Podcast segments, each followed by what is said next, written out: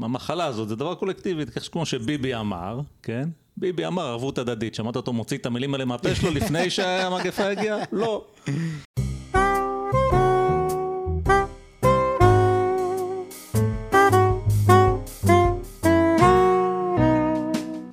אדם אקראי, הפודקאסט שאפשר בלעדיו.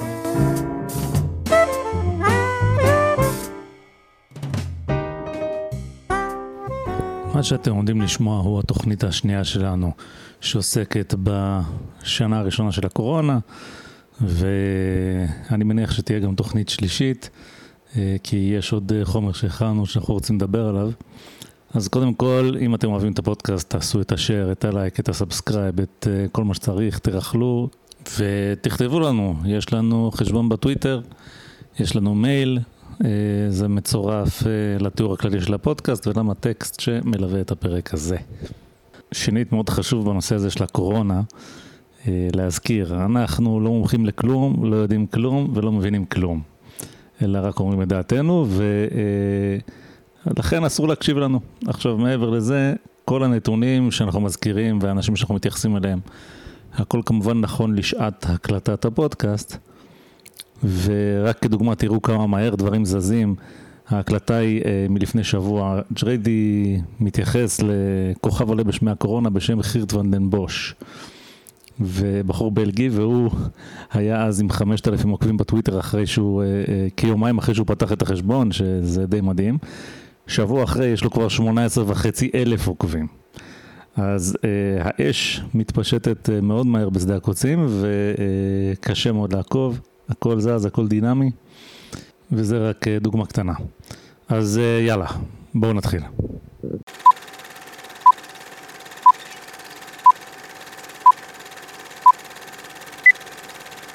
ג'ריידי, מה העניינים? סביר. יופי, על הכיפאק. אז תפסיק קשקש, תתחיל, תתחיל לעבוד. כן, בוא נדבר על אה, זה, אנחנו מזכירים שאנחנו בחלק השני של מה למדנו מהקורונה. כן, אם בכלל. כן, אז האמת שלמדנו הרבה דברים, חלק מהדברים הם באמת מסקנות גדולות, חלק הם מסקנות קטנות יותר. בוא נסתכל בוא נגיד, על... אנחנו עוברים פחות או יותר מהחלק היותר מדעי של התוכנית לחלק היותר אומנותי. אה, אנחנו תמיד אומנותיים, חביבי. כן, תמיד. אז, אז, אז, אז בוא נדבר באמת על הנושא שאנחנו אוהבים לדבר עליו פה בתוכנית, כן. כי זה נושא שלכל אחד יש דעה אתה לא צריך מודלים בשביל לדבר על זה, אתה פשוט עם מספיק דעות. השוק החופשי. או. יפה. אז אה, איפשהו אה, לפני איזה חודש, חודשיים, אה, אורי כץ, מדעת מיעוט, שאנחנו אוהבים אותו, הוא בחור על הכיפאק, דוקטור אורי כץ, הוא פרסם פוסט, והוא כתב שיש בחור בשם ג'ון קוקרן, שהוא דוקטור בכלכלה, פרופסור בכלכלה, whatever, אחד מהבודדים שחושב היום מחוץ לקופסה. כן, זה ציטוט מאת אה, דוקטור אורי כץ. מחוץ לקופסה הוא חושב. כן, כן, ברור שמחוץ, אז מה אתה... אז בואו נראה מה מחוץ לקופסה. מחוץ למה הוא יחשוב, מחוץ למשטח הפנימי של ההיפרבולואיד, מחוץ לקופסה. נכון. קופסה זה מספיק, לא צריך. כן. אז מה הוא אומר, אותו כלכלן?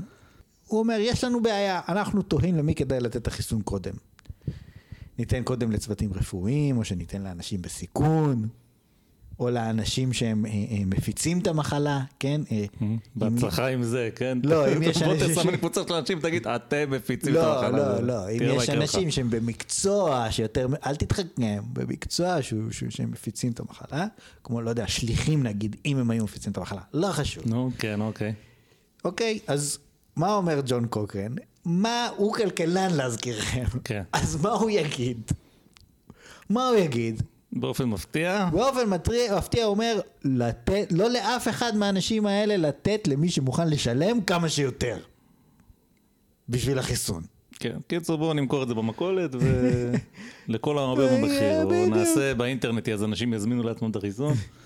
יופי, אוקיי. אז, אז, אז אה, בתור הערת אגב אישית, אה, לדעתי, זה אין יותר חשיבה בתוך הקופסה ממה שמציע הכלכלן ג'ון קוקרן. כן. כי כשאנחנו בדרך כלל, כן, כלכלנים, עניינים, מה שהם בדרך כלל טוב, בוא נגיד אוהבים להגיד, בימינו יש... שוק אה, חופשי, כן, השוק החופשי קונצנזוס ינצח. די גדול, שוק חופשי זה... זה בסדר. זה עכשיו, וריאציות אה, קלות על הנושא הזה. מעבר לכך, מעבר לכך, הוא גם חושב שה-FDA זה בירוקרטיה מיותרת. כן. צריך לתת לאנשים לקנות את החיסון איך שייצרו אותו. זאת אומרת, היה 42 יום מהרגע שריצפו את ה-RNA של הווירוס, היה למודרנה פרוטוטיפ ראשון, תן לה, ת, ת, תזרק אותו לאנשים, חבל על הזמן. אה, אוקיי? ככה? תן לאנשים הוא לקנות. לא מתכוון מה... זה, סוף הניסוי כאילו? לא מעניין כלום, ייצרת. תתחיל למכור. אוקיי. אוקיי, אז אה, זה באמת, לא, זה זה לא כן רק- מחוץ רגע, לקופסה. רגע, זה לא זה מחוץ של- לקופסה. לא עניין של הבירוקרטיה המיותרת. אתה אומר, אפילו לכאורה יכולת להגיד, אוקיי, שפייזר, היא תעשה ניסוי, ואין בירוקרטיה. היא מחליטה אם הניסוי הצליח או לא, היא לא צריכה להגיד, לקבל אישור מאף אחד. בסדר. אני לא נכנס פה שזה בדקדוקי נשמע לי העניות, טיפה יותר לא... הגיוני מ... יש לי prototype קדימה, יצור לא, המוני. בסדר, אוקיי, אז שפייזר יחליטו, אה. תשמע, זה מה שהוא אמר. זאת אוקיי. אומרת, הוא אמר, מהרגע שייצרו את הראשון, תן לאנשים ויהיה בסדר. אוקיי. תשמע, זה, אתה יודע, פחות או יותר מה שקרה עם הניסוי הרוסי, פחות או יותר. זה בדיוק, החיסון לפוליו, כן? ההוא שהמציא את החיסון לפוליו, אה, נתן את זה לילדים שלו, ואז אמר, אני לא לוקח על זה פטנט לשום דבר, זה כמו אור השמש, זה שייך לכולם, כל מיני איזה קשקוש כזה. בכל מקרה, לא עשה phase 1, phase 2, phase 3, כל השטויות האלה, כן. תתחילו להשתמש. זה לא, זאת אומרת, זה היה בעבר. אז, אז, אז אני אומר לג'ון קוקרן, לאט לאט, בוא, בוא, אוקיי, הקופסה זה לא תמיד דבר רע, אוקיי? איך אומרים באנגלית? laws were made for a reason. כן.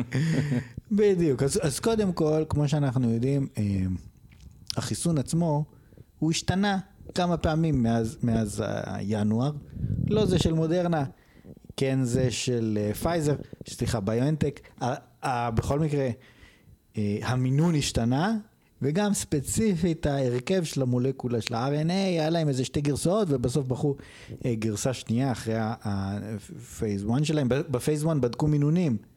זאת אומרת, אמרו, אולי ניתן רק זריקה אחת, ניתן אה, מינון גבוה בזריקה ראשונה, איזה שני אנשים התעלפו, לא יודע מה, ואז הם אמרו, טוב, אנחנו הולכים על ה- המינונים הנמוכים יותר, שבהם אין תופעות לוואי, והמשיכו שמה, זאת אומרת, זה לא אללה בבעלה פה, כן?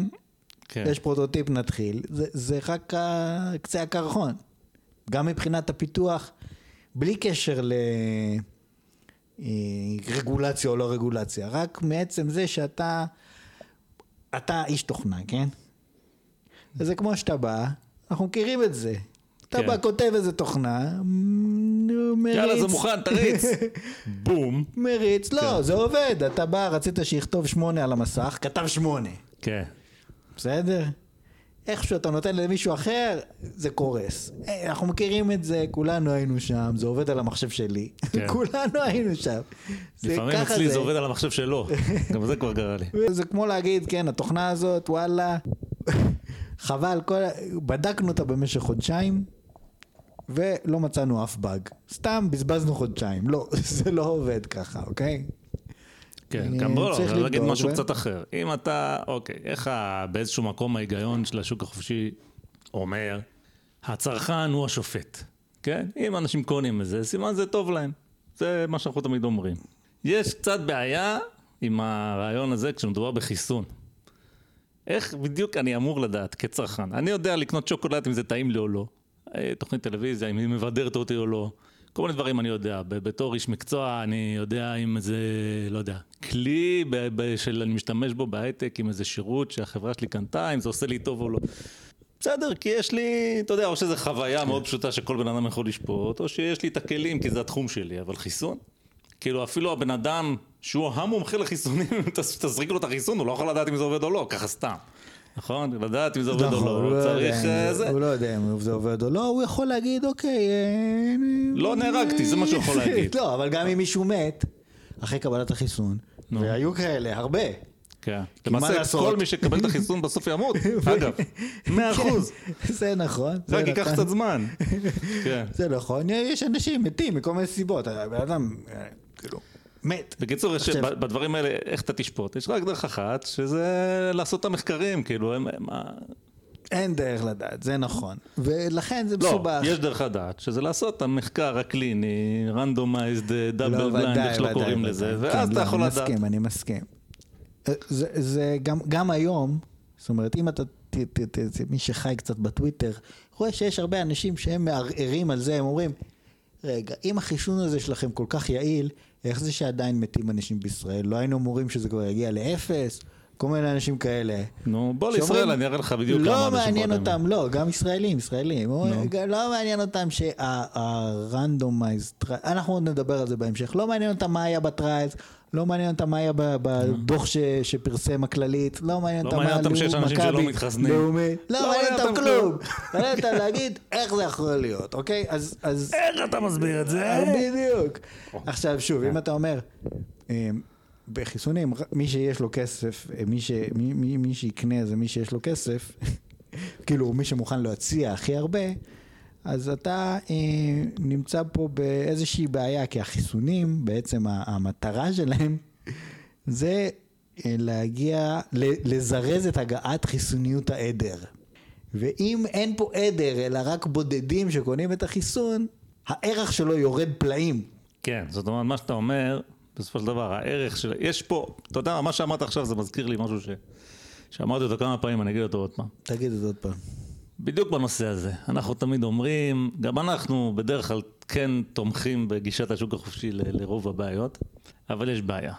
הקפיטליזם הזה, שהוא מאוד מוכוון האינדיבידואל, אז זה אחלה, כי אנחנו אינדיבידואלים. אבל הבעיה הזאת היא בעיה קולקטיבית. המחלה הזאת זה דבר קולקטיבי, כמו שביבי אמר, כן? ביבי אמר ערבות הדדית, שמעת אותו מוציא את המילים האלה מהפה שלו לפני שהמגפה הגיעה? לא. אבל עכשיו הוא הוציא, כי, ובצדק, כי באמת, כל הנושא הזה של הסגרים וכן הלאה, ערבות הדדית, תעשה סגר כמה שאתה רוצה, אם מספיק אנשים מפרים אותו, אז זה לא שווה כלום. ואז מי שמקיים אותו סתם אה, מקבל את החזוק, כן? ובגלל שהמשבר הוא קולקטיבי מטבעו, זה, אתה יודע, באיזושהי רמה, אם אתה רוצה, אינטואיטיבית, אה, טבעי לחשוב שגם הדרכים להתמודד איתו יהיו קולקטיביות לפחות באיזושהי מידה. אז אה, שזה בדיוק מה שאתה אמרת עכשיו. אתה אומר, החיסון הוא לא, לא הדרך הנכונה להסתכל עליו כעל מוצר לאינדיבידואל. אני מוגן, אני מחוסן במחלה. אה, שזה גם כן, זה כאילו, אני, כן, סיכוי גדול שאני מחוסן במחלה. יכול להיות שלא, כי החיסון לפעמים לא עובד, נכון? כי זה התוצאות של הניסוי. והדרך להסתכל עליו היא דרך קולקטיבית. לכן כל הרעיון הזה הוא רעיון קלוקל. ואם אתה כבר מסתכל על זה כדרך קולקטיבית, אז אתה צריך גם, כדי לעשות מבצע כזה עצום, מחסן את כל האוכלוסייה, זה לא ילך בשיטות של שוק חופשי, כן? זה מבצע לא, של ה... לא, לא, ילך, ברמת המדינה. אתה רואה שבישראל זה עובד, קופות החולים, כן. מחסנות את האנשים, וזה רעיון לא כל כך טוב, לדעתנו. גם החיסון הרוסי שבאמת לא היה שם בירוקרטיה, הם היה מוכן באוגוסט, הם אמרו בוא לא נעשה פייס שלוש ופשוט נתחיל למכור אותו. וזה הצליח להם. זאת אומרת, היום אבל איך יודעים שהצליח? כי חיסנו... איפה השתמשו בו? בכמויות גדולות? אומרים שהוא בטוח. מי אומר את זה? אה, אני ראיתי של האיחוד האירופי של המשהו משהו משהו. אוקיי, מה שמעניין אותי זה איך הם. יודעים. אם אתה לא עושה את הניסוי הזה. אה, כמו שקופת חולים יודעת. לא, אם חיסנו הרבה מאוד אנשים, הם מסתכלים, כן, חיסנו הרבה אנשים כבר אוקיי. עם הדבר הזה. אז מה שנקרא, לקחנו צ'אנס והצליח בסדר, לנו. ואומרים, אוקיי, בגדול זה כן. גם... אוקיי, אז, אז במקרה הזה באמת הצליח, אבל גם שמה לא אמרו אנחנו הולכים לכל המרבה במחיר. כן. אולי ברמת המדינה כן, אבל ברמת בר... האזרח, נותנים את זה פשוט לאזרחים. כן. אה, כי, כי אין, אה, אין, אה, זה לא עובד מה שאמרת קודם, כן, אתה רוצה להגיע לחיסוניות עדר, ולכן אתה צריך לתת את זה וגם אתה לכולם. צריך. אמון, זאת אומרת. אתה צריך את האמון של האזרחים. ואם לרוב, אם להרבה מאוד אזרחים אין אמון, כי לא עשית את הניסוי ולא עשית את בדיקות האיכות הנדרשות, אז אתה, אז אתה בבעיה, לא מספיק אנשים התחסנו והחיסון אה, אתה יודע, אני, אני, פחות אבל זה ערך. מעניין לחשוב על זה בתור איזה counterfactual כזה. תדמיין עולם שבו החיסון זה מוצר. מוצר, מוצר. זאת אומרת, מה היו עושים פייזר? היו אומרים, אנחנו פתחנו את האתר, תגלשו ותזמינו. ואיפה שיש אה, הרבה הזמנות ושווה לנו, אנחנו נפתח מרכז הפצה, כי הרי זה יהיה סיפור, צריך להחזיק את זה בטמפרטורה, כל השטויות האלה, כן. אי אפשר לשים את זה במכולת, כן? נפתח מרכז הפצה, ואנשים יבואו להתחסן. מי שהזמין כמובן את מה ה... זאת אומרת? זה מה שבפועל קרה. לא, אני אומר, תחשוב שאתה עושה את זה בשוק, בשיטות של שוק חופשי, כאילו, לא דרך הממשלות, אוקיי? זה- אבל זה פחות או יותר מה שקרה, כשהשחקנים הם לא אה, האזרחים, אלא הממשלות. היה ריאיון... לא, עם- בסדר, אני מקבל, תזרום איתי היה רגע. ריאיון עם אלברט בורלה, מנכ"ל פייזר, נו, כן, ראיתי את זה. בערוץ 2, או מה, whatever זה היום. והוא אמר, כן, הרבה מדינות רצו, רק ביבי התקשר אה, 30 פעם, כן. ושילם פי שניים. זה הוא לא אמר, אבל זה אנחנו יודעים. כן. וזהו, וגמרנו. תראה, ביבי הסביר לי. ביבי הסביר לי שלא היה לנו המערכת בריאות והאוכלוסייה מגיעה בריאות והכל מתאים, וחוץ מזה הוא שילם פי שתיים.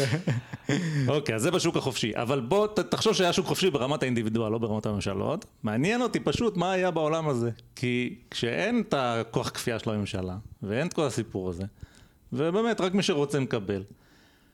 אז כל הנרטיב הזה של תתעוררו יא כבשים, זה פשוט מעניין אותי איך הוא היה בא לידי ביטוי, אם הוא היה בא לידי ביטוי. סתם. כן. סתם שאלה מעניינת, אין לי מושג. כן, דרך אה, אגב, יש לי הערה לנושא הכבשים, כן. שזה מעניין. אה, תשים לב למשהו מעניין פה. אוקיי.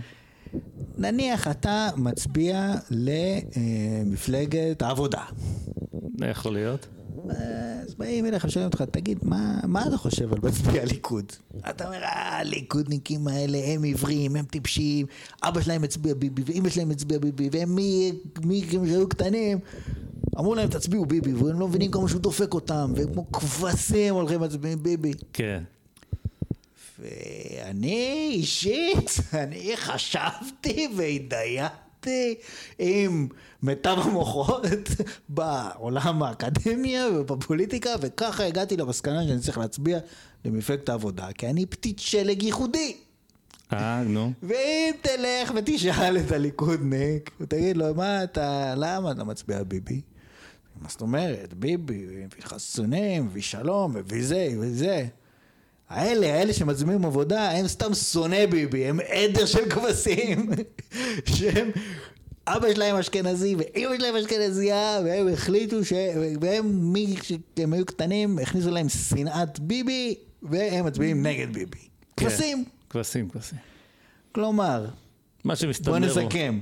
כל מי שהוא לא אתה הוא כבש, סליחה, כל לא, מי לא, שהוא הפוך אליו בדעותיך, אתה- כן, אתה יודע אתה לא מה? הגעת למסקנה הנכונה. אוקיי, סליחה. המסקנה הנכונה היא שאותו בעל חיים, אני לא יודע את השם המדעי שלו, אבל בעברית הוא נקרא כבש. הוא חיה פוליטית, זה הכל. אריסטו כתב, האדם הוא חיה פוליטית, הוא טעה, הכבש הוא חיה פוליטית. ויש אה, שבטים של כבשים, זה מה שמסתבר.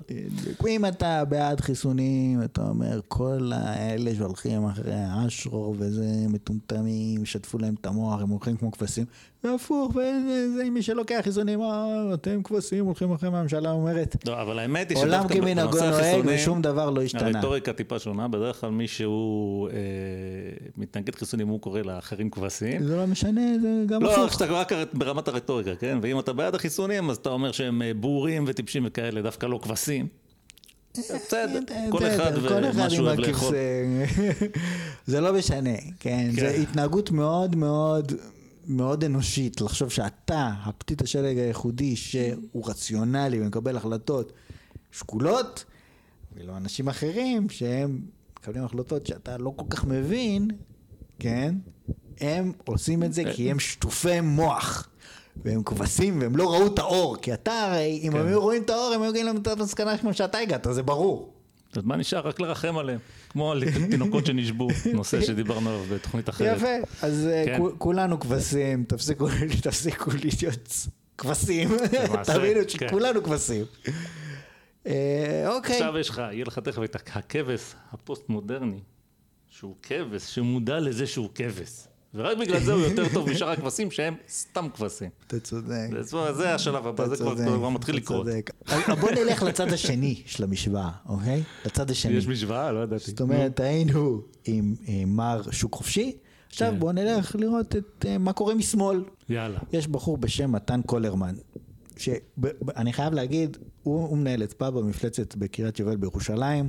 יש לי אליו הערכה עצומה. מי שמחזיק עסק כמו הפאב המפלצת בקריית יובל, בירושלים, זה איש עם מצבה ברזל וסופר מוכשר. יש, יש כל הזמן סכסוכים ומריבות ופוליטיקות אה, סביב המקום הזה, גם סביב השכונה הזאת, זה, זה מקום אה, עם הרבה חיכוכים בין אה, חילונים לחרדים, ויש לי אליו הערכה עצומה. אוקיי, אה, אז אוקיי. הנה נתת את הקרדיט, עכשיו אה, אני נותן לו תוציא את הקרדיט, הסכין. נותן לו את הקרדיט. לא, אני לא מוציא את הסכין, אני רק אה, מדבר על כמה הוא כבש, זה לא, הכל. תוציא מהגב, כי אני פשוט הכנסתי לך קודם. לא חשוב, כן. בכל מקרה, הוא מדבר, כן, אני ראיתי שהוא אה, הוא מגיב לתוכנית הכלכלית של ימינה. ימינה אה, אה, באו אה, והוציאו לקראת הבחירות הבאות עלינו לטובה, תוכנית כלכלית. ובתוכנית הם אומרים, אנחנו נוריד את יחס החוב תוצר ל-42 אחוז. אוקיי. מה זה יחס חוב תוצר? זה תוצר, זה כאילו כל השווי של כל המוצרים שהמדינה מייצרת בשנה, והחוב זה בעצם כמה חוב יש למדינה. המדינה מוציאה אגרות חוב, האזרחים קונים, כל מי שרוצה קונה, ובעיקר זה האזרחים, לא משנה, ויש למדינה חוב. היא מגייסת ככה כסף, אבל היא אה, משלמת על החוב הזה ריבית, בלאגן שלם. עכשיו, אה, בנט אומר, נוריד אותו ל-42 אחוז. למה כמה זה עכשיו? לא יודע, זה עכשיו, זה היה 60 לפני הקורונה, עכשיו זה איזה 73, לא יודע מה. נכון, אז, אז בנט רוצה להוריד אותו, הוא לא יוריד אותו, זה כבר ברור לנו, זאת אומרת, לא, הוא רוצה להוריד. פוליטיקאים לא עושים רוצה. מה שהם אומרים. כן. היה יכול להגיד גם, אני רוצה להוריד אותו לאפס, זה לא משנה. כן. אז אה, מה, מה אמר מתן קולרמן? מתן קולרמן אומר, כל האנשים שרוצים להוריד אותו, את יחס החוב תוצר, הם טיפשים. ו...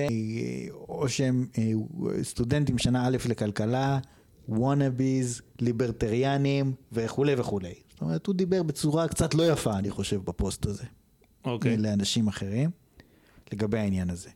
והוא אומר, אני, אני אומנם כלכלן, אבל אני הולך לפי משנתו של מיינרד קיינס, אני חושב שככה קוראים לו, אל תשאל אותי, מה אני ג'ון ממש לא מיינרד מומחה. קיינס? הנה, פה יש לנו כן. מומחה אחר, והוא אומר, לא, בשעת משבר צריך שהממשלה תזרים כסף לשוק. כן. כדי אה, להעלות את ה... כאילו ל- ל- ל- לעורר את הכלכלה, ואז אנשים ייזמו ויעשו דברים, ויבנו דברים, ונצא מהמשבר. אוקיי. אז אה, בא מתן אה, קולרמן, והוא אומר דבר כזה, אם הצמיחה בישראל היא X, והיא צפויה להיות אה, כך וכך בשנים הקרובות, ובגלל שהצמיחה היא כזאת, אני מעריך שדווקא את היחס חוב תוצר אפשר להעלות. ובזכות הצמיחה אנחנו נוכל לשמור שהיחס בין החוב לתוצר יישמר קבוע. כן. אפשר להעלות את החוב. בסדר, נעלה אותו עכשיו והוא ירד אחר כך כי הכלכלה תצמח. כן, לא, זה פחות אפילו יישאר זה. קבוע. הוא יישאר קבוע. אוקיי, יפה. אוקיי? יעלה אותו ל-75. 75 זה מספר הזהב, אוקיי. אוקיי? למה? אני לא מבין לא כלום 73, בזה, אני לא מאמין 74, לו, לא 76. אוקיי? אני מאמין לו, אחלה. כן, בסדר? הוא כן, צודק. כן. אני מאמין שיהיה בסדר, כי הוא עשה את החישובים והוא המומחה, ואני לא אומר את זה סתם. יכול להיות באמת שהוא צודק. מהמם. עושה עבודה רצינית. אבל בכל מקרה, הוא אומר, עכשיו יש משבר, זה צריך לעלות היחס חוב תוצר. אלא מה? גם לפני שנה וגם לפני שנתיים וגם לפני שלוש. כן. המצב היה משברי, והיה צריך להעלות את היחס חוב תוצר כבר אז. לא, מי אמר את זה? קולרמן.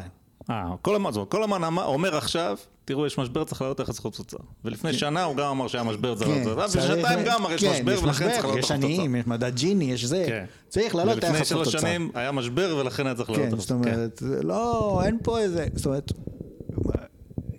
אתה, כמו שההוא כלכלן שוק חופשי, השוק חופשי זה הפתרון להכל, הוא כן. כלכלן קיינסיאני, מה שנקרא, קיינס יפתור את הכל. טוב, אגב, אני לא יודע הרבה, אבל אני יודע דבר אחד, שלקנס יש שני צדדים. בזמן המשבר אנחנו מבזבזים את הכסף. אבל כאילו מבזבזים, כן, ב- בלשון אה, זה. אבל כשהזמנים טובים אנחנו חוסכים שיהיה לנו מה להוציא. זה אף אחד לא מזכיר אף פעם, תמיד, מז... תמיד מזכירים את החלק של, רגע, עכשיו הזמנים קשים, עכשיו לא, צריך... בדיוק. למה? כן. למה? כי למרות שזה כן סוג של מה שהוא אמר, כי הוא אמר תהיה צמיחה, וככה אנחנו... לא, אנחנו נשמור על זה קבוע. כי- כן. כי- כי למה הוא אומר את זה? נו. למה הוא אומר את זה?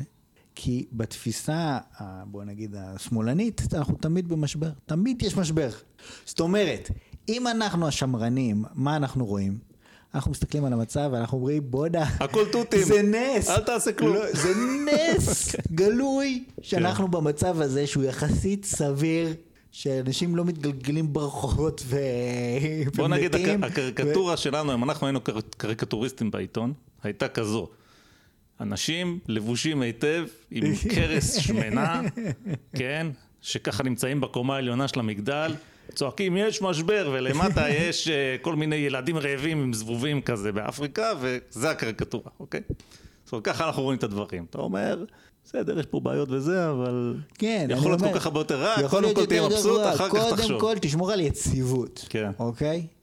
זה דבר ראשון. ודבר שני, יהיה בעתיד משבר. זאת אומרת, זה אני מוכן להבטיח לך, יהיה. ולכן, מה שאתה רוצה זה באמת לשמור על הקיים ולהוריד את החוב בצורה מתונה. אני לא אומר את זה באיזשהו, אין לי איזה טיעון כלכלי, הצמיחה היא ככה והזהו ככה, אני אומר, קודם כל תשמור על הקיים, זה טיעון שמרני כעיקר, כעיקרון. ודבר שני, אתה רוצה להוריד את זה קצת, כל פעם, כמה שאפשר, כדי שכשיגיע המשבר, והוא יגיע. כי אנחנו פסימיים, לא פסימיים, זה פשוט, זה מה שהולך להיות, כן. בודה אמר את זה. שתוכל לשמור על היציבות על ידי אה, אה, הגדלת החוב, אז, כשזה יקרה. יכול להיות ש-75 זה מספר הזהב, אני לא יודע, אוקיי? רק צריך לשים לב לנקודה. שום מספר, כל מספר יש לו משמעות רק בהקשר של מספרים אחרים. אז כאילו, כן, כמו שהוא אמר, בהינתן צמיחה כזאת, אז 75 נראה לי לא, הגיוני, כן, לא, לא, כאילו, ה- אתה יודע, לא הכל ניכנס לזה. ברור, אבל- אני, לא, לא נכנס ספציפית לתוכנית הזאת ספציפית, אני רק מראה את שני הצדדים של המטבע. השוק החופשי, מצד אחד, הצד הקיינסיאני, אבל כן יש דבר שאני, היא כן עוד ביקורת קטנטנה על הנושא הזה של קולרמן. כן. הרי אם המדינה תגיד, אוקיי, קולרמן, אתה צודק, מה שאנחנו צריכים לעשות זה להעלות היחס חוב תוצר. בוא נגייס כך וכך, 15 אחוז, כן? עוד 15 אחוז, בהנחה שזה 60, כן? מה, מהאזרחים, ואז ניקח את כל השטרות שאספנו, נשים ברחבת הכנסת ונבעיר אותם. קולרמן אמר צריך להעלות את היחס חוב תוצר, אבל הוא לא אמר מה לעשות עם הכסף, נכון? בסופו של דבר, כשאתה נותן כסף לאותם פוליטיקאים שמנהלים את העניין, ואתה אומר, אוקיי, אני צריך להשקיע את זה בתס... בתשתיות, נגיד. זה מה שהוא כותב במסמך שלו, צריך להשקיע בתשתיות. להשקיע בתשתיות יכול להיות מאוד דומה לשריפה של כסף. כן, זה נכון, זה זאת נכון. אומרת, מה תעשה? עוד קו רכבת בין ירושלים לתל אביב? זה תשתית, כן. זה עוזר לך במשהו? תעשה קו רכבת מקר- קר- מקריית מוצקין לקצרין? כאילו, מה בדיוק ה... אני אומר, הכלכלן יכול להגיד, אוקיי, זה מה שאנחנו, זה המספר שאנחנו יכולים להגיע אליו. עכשיו אתה שואל את עצמך, האם יש לנו, זאת אומרת, האם ראוי להגיע אליו? כאילו, האם יש פה בעצם איזושהי תוכנית לא, אם אני מבין, תן לי שנייה לנסח את דבריך, כמו שאני מבין אותם. מה שאתה אומר, אוקיי, יופי, אתה צודק, יש לנו את היכולת לעשות את זה, בוא נשתמש בדבר הזה כדי לעזור לאזרחים בשעתם הקשה. כן. אבל איך לעשות את זה בדיוק, זו שאלה מאוד מסובכת. נכון. שבמידה מסוימת, כן, אתה יודע, היתרון של השוק החופשי שזה זה מנגנון כזה לענות על השאלה הזאת, מה נעשה עם הכסף, כן. ולא בטוח שהיכולות של ממשלת ישראל להחליט מה לעשות עם הכסף, הם הכי הוכיחו את עצמם בעבר, ולכן אה, נשאלת השאלה, גם אם אני יכול לעשות את זה, נכון. לא ברור שכדאי לי, כי אם אני עושה את זה, וכמו שאתה אומר, שורף את הכסף, אז אתה אומר, בסדר, בואו לא נהיה ליצנים, לא ברור, לא, לא אומר לך אשכרה לשרוף כסף, אבל אני אומר לך, בוא, כן, נבנה איזה פרויקט גרנדיוזי כזה או אחר, שאיזה שר יחליט עליו כדי לפאר את עצמו, ועל זה יהיה לך כסף, ואז, כן, זה בעצם מה שאתה אומר, אוקיי, כן, אומר, אני, אני אז מקבל אני אומר, את ה... יש הבדל, זאת אומרת, יש הבדל בין מה הכלכלן אומר שאפשר לעשות לפי החישובים שלו, לבין מה בפועל צריך לעשות. זה לא קסם, שאתה אומר, אני אעלה את החוב, נעשה פרויקט תשתית והכל יהיה פיקס. כן, אבל תשים לב למה שהתחלתי להגיד קודם, לפער בין ההפשטות לבין מה שהקונקרטי, כן? זה פער מאוד גדול, ובדרך כלל אנשים מדברים על הפשטות, בצדק, כי אם אתה כלכלן, וזה מה שאתה יכול להגיד, נכון? אתה יכול להגיד, הנה, יש לנו את היכולת לפי הזה, אבל בסוף הכל עשוי מדברים קונקרטיים, כן? הצמיחה הזאת שכאילו תבוא, מאיפה היא תבוא? מזה שאנשים עושים עסקים טובים ומצליחים בהם, וכן הלאה וכן הלאה. והפער הזה זה פער שהוא תמיד מסוכן, כי ככה, זה קשה לעבור מהמופשט לקונקרטי ולהפך, זה בדיוק האתגר. אתה יודע מי יודע לעשות את זה? אנשים מאוד חכמים, כאלה יש מעט. אז זה בעיה, זה בעיה... אני אגיד לך שבסופו של דבר, כן? זה אה, תמיד סימן רק כשמדברים רק אני בהפשטות. מכיר, אה, אני מכיר, יש לי קרוב משפחה שאשתו סינית, אורגינל, משנגחאי. אוקיי, לא איזה משהו, לא פייק, כמו אולמרט, כן? נו. סינית אורגינל. עכשיו, אה, ההורים שלה היו בביקור בישראל. רואים שמחוץ לחלון בונים בניין, והם מתקשים להבין למה הבניין נבנה כל כך לאט. כן. הם באו מסין. והם רגילים, ופה בונים את הבניין לאט. עכשיו, למה, למה בונים אותו לאט? אז זה, זה נורא פשוט. שם בסין עובדים שישה ימים בשבוע וישנים באתר, באתר הבנייה. אני חושב שגם יש להם טכנולוגיות יותר מתקדמות של בנייה. אה, יכול להיות.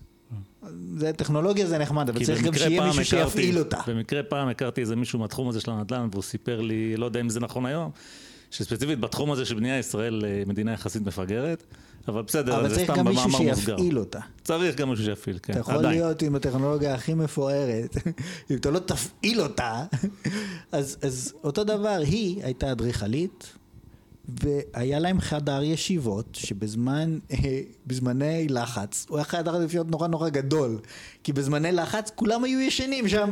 אה, כן. זה חדר שכיבות. עכשיו אתה אומר לעצמך, אוקיי, ככה הדברים מנהלים בסין.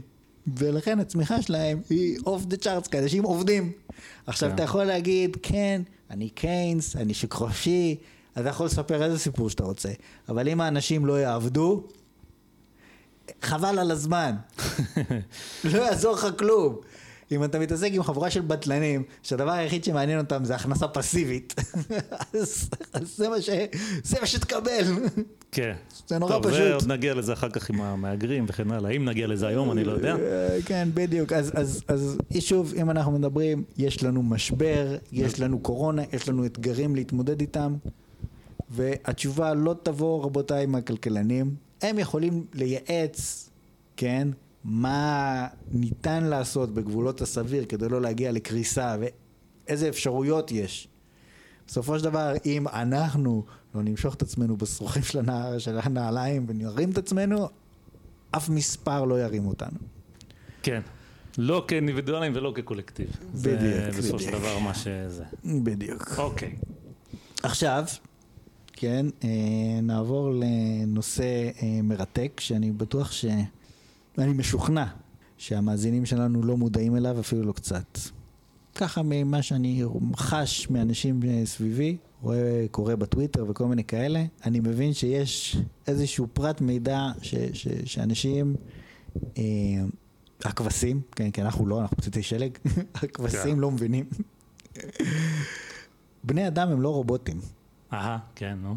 הם כבשים, נו, זה כבר סיכמנו. בסדר. אלא אם כן יש כבש רובוטי. זה הדבר זאת. אומרת, זאת אומרת, מה, מה, מה הכוונה בבני אדם הם לא רובוטים?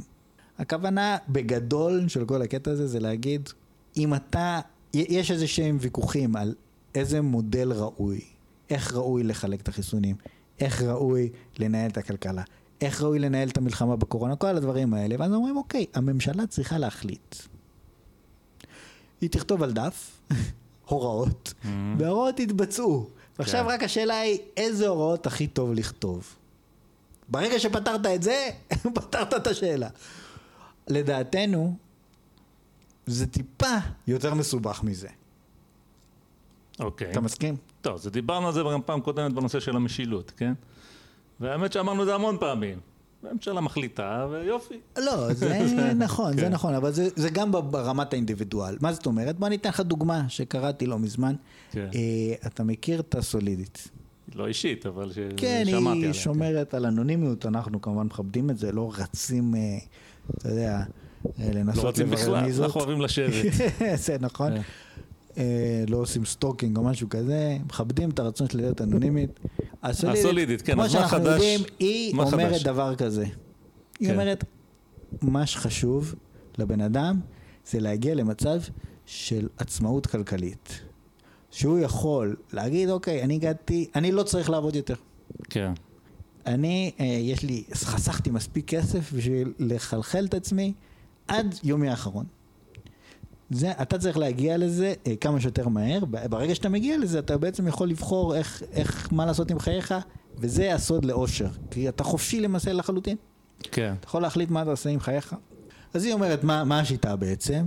אה, אתה צריך לחסוך באגרסיביות, זה הכלל הראשון, זאת אומרת לא להוציא כסף. מהמם. כמה, שאתה יותר, אה, כמה יותר שאתה יכול לחסוך, ואחרי שאתה חוסך מס, כאילו סכום כסף אה, רציני, אתה כמובן שם אותו באיזושהי השקעה סולידית כזאת, כזה היא קוראת לעצמה סולידית. אה, אתה שם תל אביב 100, S&P 500, לא יודע מה, אתה שם ופשוט מחכה לקסם שיקרה, והכסף יטפח ויטפח, ואז אתה תחיה רק מהריבית, או לא יודע מה, ושלום על ישראל.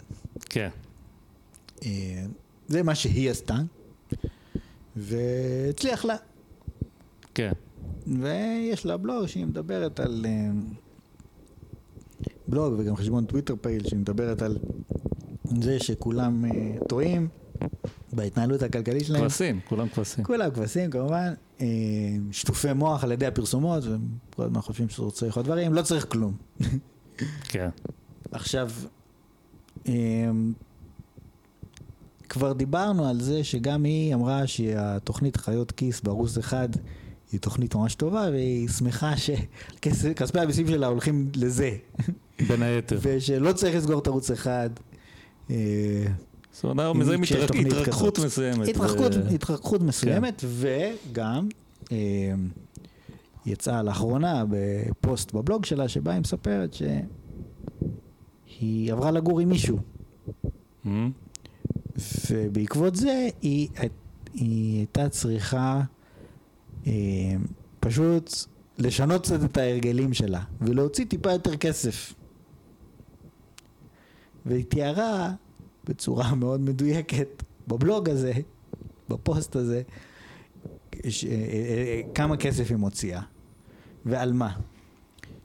והיו שם כל מיני דברים שבעבר היא כינתה אותם כמותרות. מהמם. והיום הם כבר, היא כבר מבינה למה צריך אותם. אוקיי. אחד הדברים הראשונים זה התחבורה הציבורית, היא מאוד בעד לנסוע אך ורק בתחבורה ציבורית ולא להחזיק אוטו, כי אוטו זה משאבת כסף, אבל היום היא מוכנה להודות שכן, יש משהו נוח בעובדה שיש לך אוטו, מהמם. ואתה לא צריך להיסחב כל היום באוטובוסים, והשד יודע מה. כן, וגם בעקבות הקורונה התחילה להשתמש יותר בגט טקסי כדי לא לנסוע באוטובוס עם כולם, וזה גם כן די נוח, ואולי אפילו אפשר להגיד, שווה את הכסף, אני לא יודע. מהמם. הדבר העיקרי, כן, זה דברים קטנים, הדבר העיקרי אמרה שהעניין הזה של החופש הזה, המוחלט, זאת אומרת להגיע לעצמאות כלכלית ואז להיות חופשי לחלוטין, הוא לא טוב לנפש. מהמם. בן אדם צריך אתגרים. אוקיי. זאת אומרת, אם אתה נמצא במצב שלא כל כך משנה מה תעשה, אתה תהיה בסדר, אין לך שום אתגר. כן. זאת אומרת, אתה לא לוקח שום סיכון, זה לא כל כך, כאילו, מקסימום תיכשל, תיכשל, אתה עדיין בסדר, כי לא לקחת סיכון. זאת אומרת, מה, איזה אתגרים אתה לוקח על עצמך? לעשות קורס באוניברסיטה? זה לא מספיק לנפש. אתה טוב, זה תלוי איזה מין כאילו- נפש יש לך, אבל זה בסדר. יכול להיות, יכול להיות, כן. אתה צודק, אבל אתה צריך, כאילו, כן לעבוד באיזושהי עבודה, אתה כן צריך לעבוד באיזושהי עבודה שיש בה איזשהו אתגר, שאתה כן קם בבוקר ואתה לחוץ. אתה לחוץ ש... אה, כן תצליח או לא תצליח, אולי יפטרו אותך, אתה צריך אתגרים, נפש האדם זקוקה לאתגרים, והיא מבינה למה אנשים בעצם עובדים, ולא רק אה, רצים ל... לעצמאות הכלכלית הזאת כ- כדבר היחיד. ומבינה גם למה צריך כל מיני אה, פינוקים קטנים כאלה כדי לעשות את החיים יותר נוחים. היא גם ציינה שהיא הלכה לאיזשהו טיפול כדי שיעזור לה לצאת מהסגפנות הזאת ו- ו- וקצת יותר להרגיש בנוח עם העובדה שהיא בעצם אה, מוציאה יותר כסף כדי קצת להתפנק. ואני חושב שזה, כן, זה מראה לנו שבני אדם הם לא רובוטים. טוב, אנקדוטה מעניינת, כן. אנקדוטה. אנקדוטה מעניינת. בוא, בוא, בוא, בוא נתייחס קצת ל... בוא, מה, טוב, רגע, רציתי להגיד, בוא, איך אתה מסכם לך את זה? לא, טוב, זה מה שאני מסכם, אני מסכם שגם אותה סולידית שאמרה, אבל בהקשר של הקורונה, מה שחשוב זה הכסף. כי אנחנו פה בענייני הקורונה. לא, חכה, אל תדאג, אנחנו נגיע אוקיי, גם אנחנו לקורונה. נגיע, אנחנו אוקיי. נגיע לקורונה, אל תדאג. אני רק אומר, זה ככה לפתוח את התיאבון של המאזין, שאנחנו מדברים על העניין הזה, שהיא מסתכלת, ולכאורה המספרים, אם תסתכל על דף ותסתכל על המספרים, המספרים אומרים שהגישה שלה נכונה ואין בלתה. מה יותר הגיוני מלהיות חופשי לחלוטין ולבחור מה לעשות? האם יש סיכוי שלא תהיה מאושר, שאין לך בוס, אין לך, אתה, אין לך עבודה, אתה לא צריך עבודה, בעצם אתה יכול לבחור מה לעשות. כן. אז לא, כי זה לא טוב לנפש. אבל בוא שים לב מה אתה אומר. אפשר להתייחס לזה בכמה דרכים.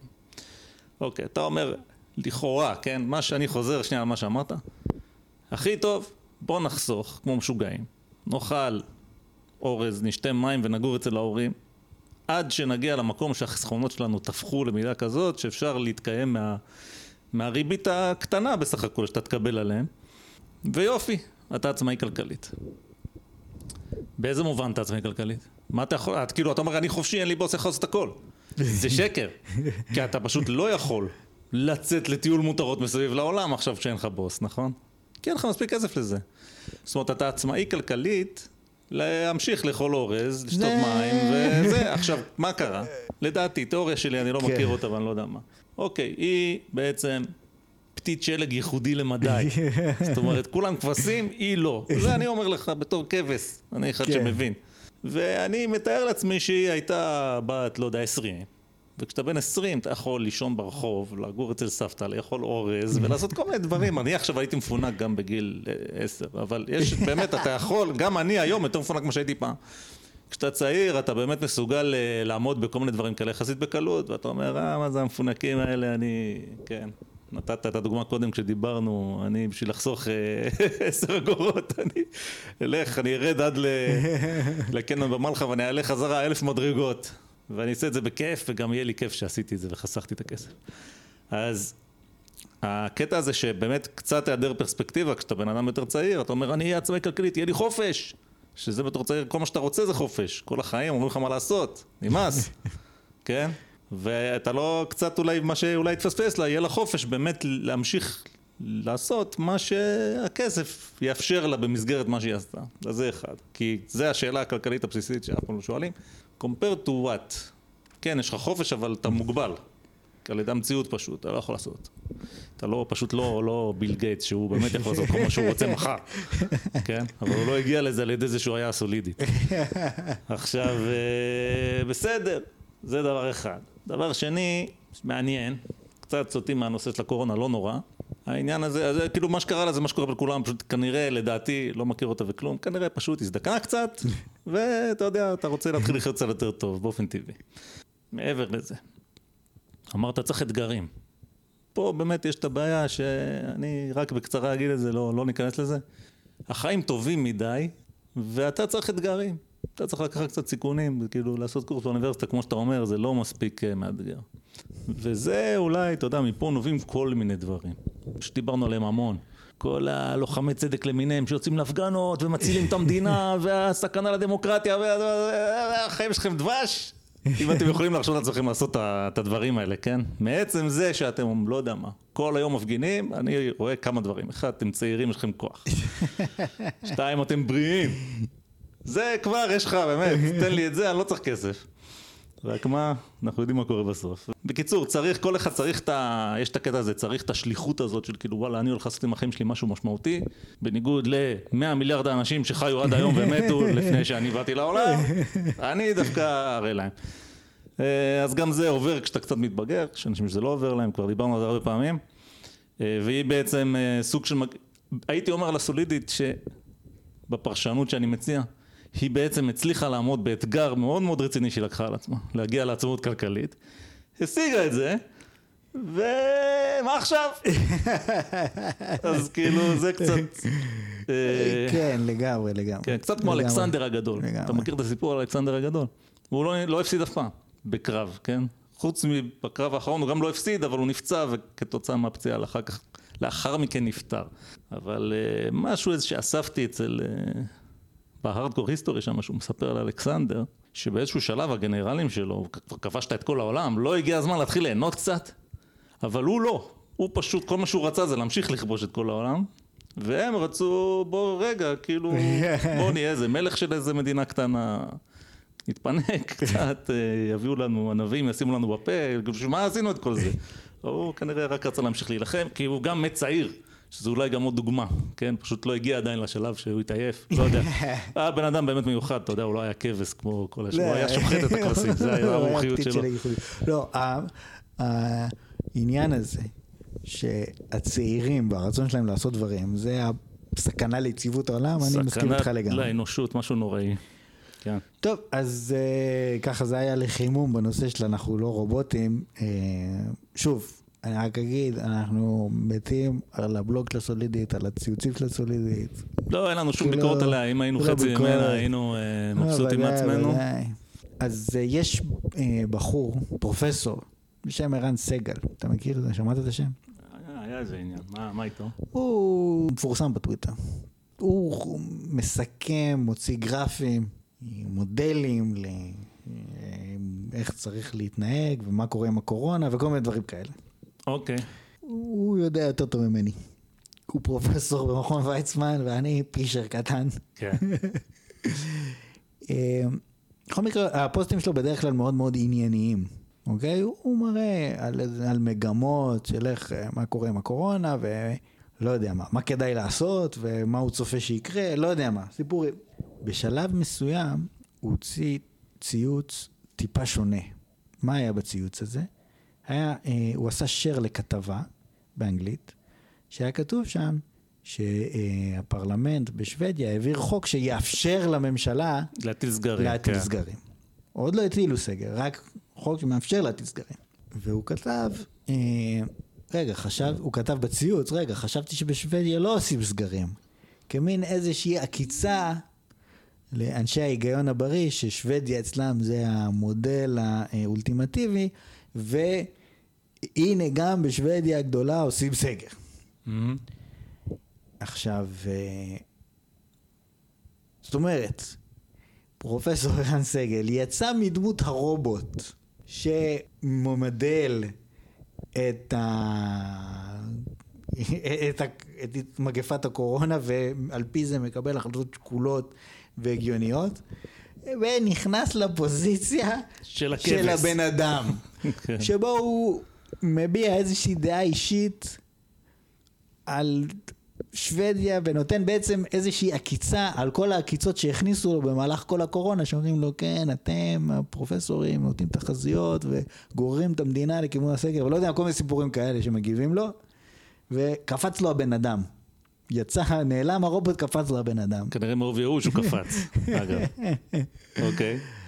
עכשיו, באופן עקרוני, אוקיי, כשאנחנו מסתכלים על uh, מגפת הקורונה, אנחנו אומרים, מה זה משנה מי צודק? העיקר שזה ייגמר. אני לא אכפת לי. אם המודל הצ'רקסי הוא מודל טוב, הרי נעשה את המודל הצ'רקסי. אם המודל, אני לא יודע מה, בבהוטן הוא טוב, לא מעניין אותי, אוקיי? אין לי איזה עניין אישי פה. אה, אני הייתי פעם בעד סגר, אה, סגר לא טוב, נחליף, לא יודע מה, נעשה משהו אחר, לא אכפת לי. אה, אין לי, אתה מבין מה אני אומר? אוקיי, אני מבין מה אתה אומר. אבל בוא- כרובוט, לא מעניין אותי, זה לא עניין אישי. נו. רק שיגמר. אבל אנשים הם לא רובוטים. ואנשים, כשהמגפה המגפה מתחילה להתגלגל, והם נכנסים לפוזיציה, יש להם דעה. זה חושב המודל השוודי, זה חושב... אה, מפתח שוודי, וזה חושב על אה, לא יודע מה. שוודיות. לפעמים. ובעצם, אחרי שאמרת כבר, צריך את המודל השוודי, או אמרת צריך סגר, נכנסת לפוזיציה, ואתה לא רוצה לצאת טועה. עכשיו כבר פחות חשוב המגפה. המגפה בסדר, זה חשוב לקולקטיב. לאינדיבידואל חשוב ששוודיה תיכשל כישלון חרוץ ושכולם ימותו שם. העיקר שלא יצא שמי שאמר שהמודל השוודי הוא טוב, יצא צודק. כן. אה, אתה נכנס, כי בני אדם הם לא רובוטים. יש להם הרציונל אומר, כן? שים לב למה אני אומר כאן. הרציונל אומר, אנחנו צריכים לעשות מה שאפשר כדי שנצא מזה הכי בקלות והכי מהר. אוקיי? ואם צריך לשנות את הדרך שלנו ואת הדעה שלנו, אז נעשה את זה. אבל ברגע שאתה נכנס לפוזיציה, אם אתה תשנה, זה פדיחה, טעית, לא נעים. כן. ואז אתה בעצם מתפלל ומקווה שיקרה הפוך. אוקיי, מה, מה אתה אומר לי בעצם? שבני אדם הם לא רובוטים. שבני אדם הם לא רובוטים. עכשיו, יש פה כמה אספקטים לנושא הזה. קודם כל, ברור שאתה צודק לגמרי, כן? כי, אוקיי, נכון, כולנו רוצים שהמגפה תיגמר, וזו המטרה העיקרית, ומה אכפת לי לא מצידי כולנו רוצים שהמגפה תיגמר, כולנו אה? רוצים, כולנו זה מה שאנחנו צריכים לרצות.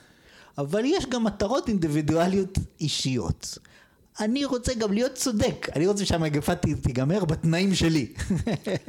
אני לא בטוח שזה בדיוק ככה, אני חושב שאם, אה, אתה יודע, אוקיי, בואו נגיד כזה דבר. יש בעיה רצינית, זה הבעיה של הקורונה. ואנחנו מרגישים שהפעם אפילו אנשים כמונו אומרים, צריך לעשות משהו בקשר לזה. כי בדרך כלל מה אנחנו אומרים? לא לעשות כלום. אבל הפעם, לא, גם אנשים כמונו אומרים, את המשבר הזה צריך להתמודד איתו, צריך כן. לעשות משהו. ואוקיי, שאלה הבאה, מה לעשות? עכשיו אתה מתחיל להסתבך. באים כל המומחים עם כל הדעות שלהם, ככה וככה וככה וככה, בסדר. עכשיו, מעבר לעניין של הדעות, בסוף הדעה שקבעה בישראל, לפחות בהתחלה, היום אני לא יודע מה קורה, אבל בהתחלה, אוקיי, הדעה הייתה שצריך לעשות את הסגר הזה, נעשה אותו. עשינו. זה היה את הסגר הראשון. גם אנשים מאוד אה, הקשיבו להנחיות, וגם התוצאות היו, מבחינת המטרה שהסגר היה אמור להשיג, הוא די השיג אותה. והמחיר היה מחיר כמובן. סבבה. עכשיו, מה שאתה אומר על פוזיציות, פה יש כאילו רמת מורכבות מאוד מאוד גדולה, שנובעת מזה באמת שאנשים הם לא רובוטים. קודם כל, לאנשים יש את האינטרסים שלהם, אני גם לא, אינטרסים, אמרנו, זה לא מילה גסה, עוד נדבר גם על זה יום אחד. לא יודע אם נעשה, זה יהיה איזה עשרה פרקים בסוף על הקורונה, אבל בסדר. טוב, זה רוח הדבר, אה? כן, קורונה זה, זה עסק רציני. אתה יודע, זה נורא קל להגיד. אני ואתה אה, יחסית, אה, לא בהייטק יחסית לא כך נפגענו. כאילו, כולם נפגעו, גם אנחנו, אבל זה יותר קל, אה, יותר קל להיות בעד השוק החופשי כשאתה לא זה שלמטה. אה, אתה יודע. אה, זה לא אומר שזה לא נכון גם לזה שלמטה, אבל זה יותר קל. אז באופן טבעי, אנשים יותר נוטים לדעה הזאת. דבר שני, באמת, כמו שאתה אומר, יש את העניין של הפוזיציה. עכשיו, איפה זה סופר חשוב? קודם כל, מסתבר שאנשים עושים את זה ככה מטבעם, כולנו גם יודעים את זה. איפה אתה רואה את זה? בכל מקום, למשל, אצלנו בחיים האישיים שלנו, לפעמים, אתה רואה את זה בהייטק. יש, תמיד מה אומרים בהייטק? אומרים, אם זה נכון או לא, אני לא יודע, אבל מה שאומרים, פה אין אגו. פה המטרה זה שהחברה תצליח. עכשיו באמת, אני יכול להגיד לך שהייתי בכמה מקומות בהייטק, וכמובן אין אגו, זה הגזמה, תמיד יש אגו. השאלה באמת מה קורה עם האגו הזה ואיך הוא בא לידי ביטוי. לפעמים הוא בא לידי ביטוי בזה שבאמת מתעקשים על הפוזיציות, וזה באמת בדרך כלל לא כל כך טוב להצלחה של הארגון. אה, יש מקומות יותר טובים שהאגו בא לידי ביטוי בזה שדווקא אם אתה מקשיב לאנשים בעצם מכבדים אותך יותר, כן, זה סוג בריא כזה של אגו. אז אה, אתה יודע, אפשר גם אחרת. עכשיו, איפה זה הכי חשוב? בפוליטיקה. בדרך כלל בפוליטיקה, אף פוליטיקאי בחיים לא יגיד שהוא טעה במשהו. לא, אוי ואבוי. בחיים הוא לא יגיד את זה, זה. לא יכול להיות, ולכן... אוי ואבוי. אז בפוליטיקה מתנהל ככה כל הזמן, ומה שאנחנו רואים בתקופה של הקורונה זה שהדבר הזה בעצם עבר, כאילו, בא לידי ביטוי, היה כל הזמן, אבל עכשיו כאילו אנחנו פתאום שמים לב לזה יותר, בכלל האוכלוסייה. ובאמת, כמו שאתה אומר, אתה נכנס לאיזה פוזיציה, ובן אדם כזה כמו ערן סגל, עכשיו, יש את העניין של מתי זה לגיטימי להיכנס לפוזיציה באיזשהו מקום. אם למשל, בואו נתווכח על משהו אחר, לא על הקורונה. בוא נגיד, אני יודע מה. אוקיי. האם, אתה יודע שלא זוכר מתי זה היה, מתישהו, במאה ה-17 או ה-18, לא יודע להגיד לך את התאריך, אפשר לגגל את זה. האקדמיה למדעים בצרפת החליטה שהיא לא מקבלת יותר הצעות לפיתוח פרפטום מוביל. היא נכנסה לפוזיציה באיזשהו מקום. כן. מי שבא לאקדמיה בצרפת עם הצעה לפרפטום מוביל, אומרים לו, אדוני, לא אצלנו, לך תעשה מה שאתה רוצה, אנחנו לא מבזבזים זמן על לקרוא את ההצעה שלך. וזה להיכנס לפוזיציה. עכשיו, מתי זה מוצדק? במקרה באמת הזה, זה די מוצדק, נכון? זאת אומרת, גם לדעתי זה מוצדק, אני מניח שגם לדעתך זה מוצדק. כי אין דבר כזה פרפטום מוביל, מספיק עם השטויות. עכשיו, בקורונה, אנחנו כאילו משתדלים כזה, אנחנו לא, תכלס לא יודעים כלום. אני יודע מה טוב, אני לא יודע מה טוב, בתכלס. יש לי דעות. נגיד בעניין של החיסונים יש לי דעה די נחרצת, אני חושב שזה טוב חיסונים, צריך לעשות את החיסונים והטענות של המנגדי חיסונים רובם נשמעות לי לא רציניות. אה, אם היו נשמעות לי רציניות, פה אני כאילו קצת מסייג, אם היה נשמע לי רציני הייתי חושב על זה, אבל זה לא נשמע לי רציני. אז אני בפוזיציה או לא בפוזיציה, אני לא יודע, אני קצת איפשהו באמצע. עכשיו נכנסים לפוזיציות באופן טבעי, ככה זה. כי כבר חשבת על זה, הגעת למסקנה, מספיק. אז פה יש את השאלה. שאלה ראשונה, האם באמת חשבת על זה בכלל? אם כן, אז נכון, אתה כבר בפוזיציה ובאיזשהו מקום אתה כבר לא כל כך מוכן לשקול את הצד הנגדי יותר. כי הגעת למסקנה שלך, אתה אומר, זהו, זה, בזה אני מאמין. אבל כנראה, ולבן אדם כמו ערן סגל, אני מפרגן, לא מכיר אותו, אני מפרגן לו לפי מה שאמרת שהוא בן אדם רציני, ואם הוא נכנס לפוזיציה זה באמת אחרי שהוא חשב על זה היטב. זה לא אומר שהוא צודק, אבל זה אומר שהוא חשב על זה היטב. אבל יש את הסוג השני של, הכבש, של הכבש, וזה הסוג שאומר, ויש את זה בשני הצדדים אגב, זה לא, אני לא מגנה פה, יש בשני הצדדים או בארבעת הצדדים או כמה צדדים שיש. לא מגנה פה אף אחד, זה פשוט התנהגות של בני אדם. שאתה לא יודע כלום, לא חשבת על זה בכלל. כל מה שחשבת זה הכל ברמת הרטוריקה, כן, כותרות פוצצות שלא באמת אומרות שום דבר. בתוכנית הקודמת אה, דיברנו על זה המון, ואז אתה נכנס לפוזיציה. או לחלופין, בעצם היית בפוזיציה כל הזמן, ופתאום זה בעצם בא לידי ביטוי ואתה מצדיק את זה לעצמך, כן, בכל מיני רציונליזציות. אז זה הדבר הרע. זה, בוא נגיד, לא מוביל מקום כל כך טוב, לא בקורונה כן, ולא לא בקורונה. כן, אנחנו אומרים גם בתוכנית הקודמת, פחות חשוב מה העמדה שלך. יותר חשוב על מה היא מתבססת. האם אתה בא... בוא נגיד, בוא נגיד מה הכי חשוב, כי אם יש לך, בוא תיקח, יש לך שני מחנות של כבשים. עכשיו, הכבשים הירוקים, אני לא אגיד לבנים ושחורים, כי אני לא רוצה להסתבך. יש ירוקים ואדומים. עכשיו הירוקים אומרים, צריך את זה ואת זה ואת זה. ביניהם יש את הסוג הראשון, זה שהוא חשב על זה, נימק את זה, יודע מה שהוא מדבר, ויש את כל היתר, ואותו דבר בצד השני. אם יש לך מספיק אנשים חכמים נקרא לזה, מספיק כבשים חכמים בשני הצדדים, יש לך סיכוי באמת להגיע למקום שאתה הכי רוצה להיות בו, שזה לנהל דיון מתמשך על הדבר הזה, לאור העובדות המשתנות, לאור מידע חדש שמגיע, לקבל פידבק גם מהמציאות, גם מאנשים אחרים שחושבים אחרת ממך, וביחד להגיע למסקנות יותר טובות, וזה נכון גם, זה בקורונה ולא בקורונה, זה פשוט נכון באופן כללי, רק בקורונה זה משבר כזה ש, שלוקח את כולנו. וזה מה שאתה באמת רוצה, זאת אומרת, אתה רוצה להיכנס לפוזיציות בצורה מנומקת, לאפשר לעצמך לצאת מהפוזיציות כשמגיע איזה מידע חדש, וב- ולא לצעוק על אנשים ושלא יצעקו עליך, זה מה שהיינו רוצים. אז, אז בבקשה, אז אנחנו, זה- מה שחשוב, כן. אה, חשוב, מה שקריטי, מה שאנחנו לא מוכנים להתפשר עליו, זה הפוזיציה שלנו, כן. לא מוכנים, זה שאנשים לא יחרטטו בעובדות. שהעובדות צריכות להיות, אה, אה, עד כמה שאפשר, אנשים טועים לפעמים, אבל עד כמה שאפשר להיות נקי ולהביא את העובדות הכי מדויקות שאתה יכול. ולא לנסות אה, לסלף אותם ולהמציא לא אמת בעובדות, אלטרנטיבית. וגם, וגם לא בשיטות כמו- החשיבה לצורך העניין. אם אתה כן, אחד שלא יודע כלום, החשיבה. אולי עדיף שתסתום את הפה. או, סתם הצעה בוא- בוא ניתן לסדר לך. דוגמה, אני ראיתי, כן. כן, יש עכשיו קטע של החיסונים, נכון? ופרופסור ערן סגל ואנשים אחרים מפרסמים בטוויטר, תראו, הנה הנתונים, שמראים שיש עכשיו ירידה. כן. בחולים קשה, בהדבקות, בכל מיני כאלה, וזה אחרי שפתחנו את המשק, ופעמים קודמות זה לא היה ככה. זאת אומרת, פתחנו את המשק והייתה אה, אחרי זמן קצר עלייה, אז אנחנו חושבים שזה חלק מהאפקט, חלק מהאפקט לפחות זה החיסונים. כן. אז אה, מיד יש אה, כל מיני נשמות טהורות שעונים להם, הנה, אבל בכל העולם יש ירידה, ואצלנו יש פחות. אז החיסונים לא כזה גליק גדול. אה, אוקיי.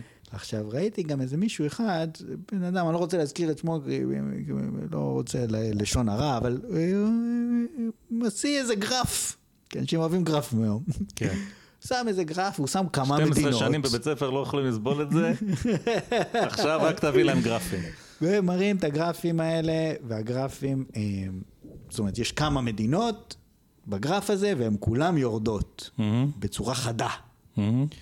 ואז אה, הוא כותב מתחת לגרף, תראו איזה יופי, החורף נגמר, וכל המדינות יורדות, ודווקא אנחנו יורדים הכי פחות. איך זה יכול להיות? רואים בבירור בגרף Mm. שכל המדינות יורדות ביחד, שאיך שנגמר החורף.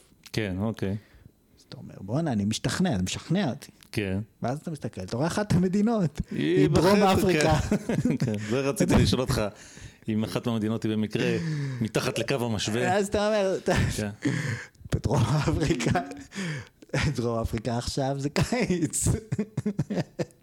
זאת אומרת שלך, בא בן אדם וטרח לשים על הגרף מ-our world in למרות data. שזה לא אומר כלום, זה מקעקע את ההסבר שלו, הגרף עדיין גרף. כן. לא, בסדר, אין לי בעיה, אבל כאילו אתה אומר, אתה עד כדי כך רוצה שהחיסון לא יעזור, זה שאתה מוציא גרף עם, כל מיני נתונים, אתה אומר, אוקיי, זה לא החיסון, זה עונות השנה, ואז אתה אומר, בוא נגיד זה סימן. איך אמרנו על פוזיציות, זה סימן, זה סימן- אולי אתה צודק, אולי החיסון לא עושה כלום, אולי החיסון לא עושה כלום והקורונה נעלמת מעצמה. כמו שטראמפ אמר שיקרה, אוקיי? הוא רק טעה בכמה זמן זה ייקח. אנחנו אנשים פשוטים, אני לא יודע. אני לא, לא, אבל מה אני אה, כן יודע? אני מיקרוביולוג יודע וירולוג. שלא נעשתה עבודה רצינית. נכון, אני יודע בוודאות שלא נעשתה עבודה רצינית. כי ההסבר שבחרת לא קשור למדינות שבחרת. אז אוקיי. כן, אז אני יודע שלא נעשתה עבודה רצינית. אתה זיהמת את השיח בשטויות. כי... מה קורה אגב אתה כשאתה שם עוד כמה מדינות על הגרף הזה? או... כן. אני לא רוצה להיכנס כי באמת זה טיפשי, אבל אנחנו יודעים שעכשיו באיטליה סגרו את רומא, ואת מחוז לומברדיה, ובשוודיה יש עלייה, בהודו יש עלייה, בברזיל יש עלייה, בפולין יש עלייה, בצ'כיה יש עלייה, בירדן יש עלייה. אתה רוצה שאני אמשיך? לא, אבל אני אמשיך. אני רוצה להגיד הודעה לשירות ומה זה הציבור. אומר? זה לא אומר כלום, אוקיי? שלא תבין אותי לא נכון. זה לא אומר כלום, לא יודע. אולי החיסונים לא שווים כלום. מאיפה אני יודע? כן. אני כולה איזה טמבל כבש, נכון? סליחה, פתית שלג כבשי, אבל לא משנה. אתה פתית כבש. פתית כבש. אבל ריבונו של עולם, אסור לנו לזהם, אסור לנו לזהם את השיח בשטויות. אתה לא יכול לבוא ולהגיד, הנה כל העולם יורד, ולהשמיט מדינות שבהן זה עולה לפי בחירתך. טוב, עכשיו אני אגיד לך מה שאני תמיד אומר, אתה כן יכול לעשות אתה את זה. כן יכול, אוקיי, אוקיי. עכשיו, אבל מה אני באמת רציתי להגיד? לעשרה מאזינים של הפודקאסט, לצערי אין לי השפעה יותר גדולה בנושא הספציפי הזה. לא, אתה יודע, זה סיפור שאתה הבאת, אני לא הסתכלתי על הגרף ולא זה, אבל לצורך העניין, אתה רואה גרף, קודם כל, שאלות. איפה המדינות שלו בגרף? שאלה ראשונה. שאלה שנייה, איך זה שאצלנו יורד יותר? רגע, אני לא יודע, אני סתם אומר מהרהורי ליבי. תלוי, למשל, אם יש שם ירידות באחוזים, אז זה תלוי ממה התחלת. יכול להיות ש... שהתחלת מהמון, אז ירידה קטנה, אתה מבין מה אני אומר? אם יש לך מעט מאוד, כן? אז ירידה, אה, אתה צריך, אה, אז ירידה קטנה נראית הרבה. אם יש לך המון. עזוב, יש כל מיני יש סיפורים כל מיני כאלה. שאלות, אז בוא נדבר על שאלות. אוקיי, בוא נדבר על מישהו ששואל שאלות. קדימה. יקיר, יקיר, ה- יקיר הפודקאסט, פרופסור אייל שחר, דיברנו עליו גם פעם קודמת, כן. עם גרף התמותה העודפת בשוודיה, שלא היה מעודכן, שידידנו מאמירות נכונות לשעתן בטוויטר, כן. אה, חשף בפנינו, והקרדיט כולו אליו כמובן. אה, לקחנו את הנתון ממנו, את הסיפור הזה ממנו. אה, דרך אגב, אני ממליץ גם לעקוב, הוא מביא הרי הרבה אה, אה, סיפורים אה, כאלה ודומים. אה, בכל מקרה, אז אה, אני, יצא לי לראות שפרופסור אייל שחר, באחד מהפוסטים שהוא פרסם, שהוא עושה סתם ניתוח, אה, מה שקוראים גב מעטפה, אה, בנושא אה, אחוזי, בנושא עד כמה הקורונה מסוכנת, הוא כותב, 25 מהנפטרים מקורונה הם עם קורונה ולא מקורונה, כן, זה גם הזכרנו פעם קודמת. אוקיי? אז דיברנו על ה-25 אחוז לא, האם אני לא קורונה זוכר. זה, בסדר, כן, נו. אה, אה, בסדר, אני לא יודע מאיפה הנתונים האלה. מהמם. אני כן חושש שלדאבוני אני חייב להגיד שהוא מזהם את השיח עם הנתון הזה, כי אין לנו את הידיעה הזאת, ובטח שגם לא, לא. זאת אומרת, הוא שלף את זה, לפי הבנתי, מאקוזו. Mm. אבל בוא נגיד שלא. אני כן. לא באמת יודע, אוקיי? אולי הוא, יש לו מדדים מדויקים לעניין הזה. אז ממש לפני כמה ימים, אה, הוא פרסם בטוויטר, מייקל לויט, כן? זוכה פרס הנובל הנודע. כן. כתב שאייל הוא מהאפידמיולוגים האהובים עליו, וכל מה שהוא אמר היה נכון. כן. אה, אז הוא כתב והוא פרסם את ה... את ה עשה לת- לציוץ של פרופסור אייל שחר, שהוא מראה שהוא שלח מכתב לניו אינגלנד, Journal of Medicine, ששם הוא מבקש, סלש דורש, שבמאמר הזה יוסיפו כמה סך הכל אשפוזים וסך הכל תמותה היו בין, בקבוצות ביקורת ובקבוצת ניסוי. מה, אוקיי? של החיסון? של החיסון. אוקיי. היו אנשים שקיבלו חיסון, אנשים שלא קיבלו חיסון, וכתבו כמה מהם חלו בקורונה, כמה אושפזו עם קורונה, נדבקו, כל מיני כאלה. הוא אומר, אני לא קראתי מאמר, אולי זה באמת גם מופיע שם, אני לא יודע, אבל הוא אומר שצריך להוסיף את זה למאמר. אגב, אני כן קראתי את המאמר, ושכחתי, ואני לא יודע להגיד לך אם זה מופיע שם או לא. כן, כי זה משעמם בסופו של כן, דבר. מת, תגיד לי מה הבוטם ליין. נרדם- במקום. תגיד לי מה השורה התחתונה, להתחסן או לא, עזוב אותך. כן. לא משנה. אז, אז אה, הוא כותב, לא, צריך להוסיף כמה סך הכל אשפוזים וסך הכל אה, מתים היה בקבוצות האלה. עכשיו, אתה אומר לעצמך, רגע, רגע, רגע. למה הנתון הזה בעצם חשוב? יש פה שתי אפשרויות.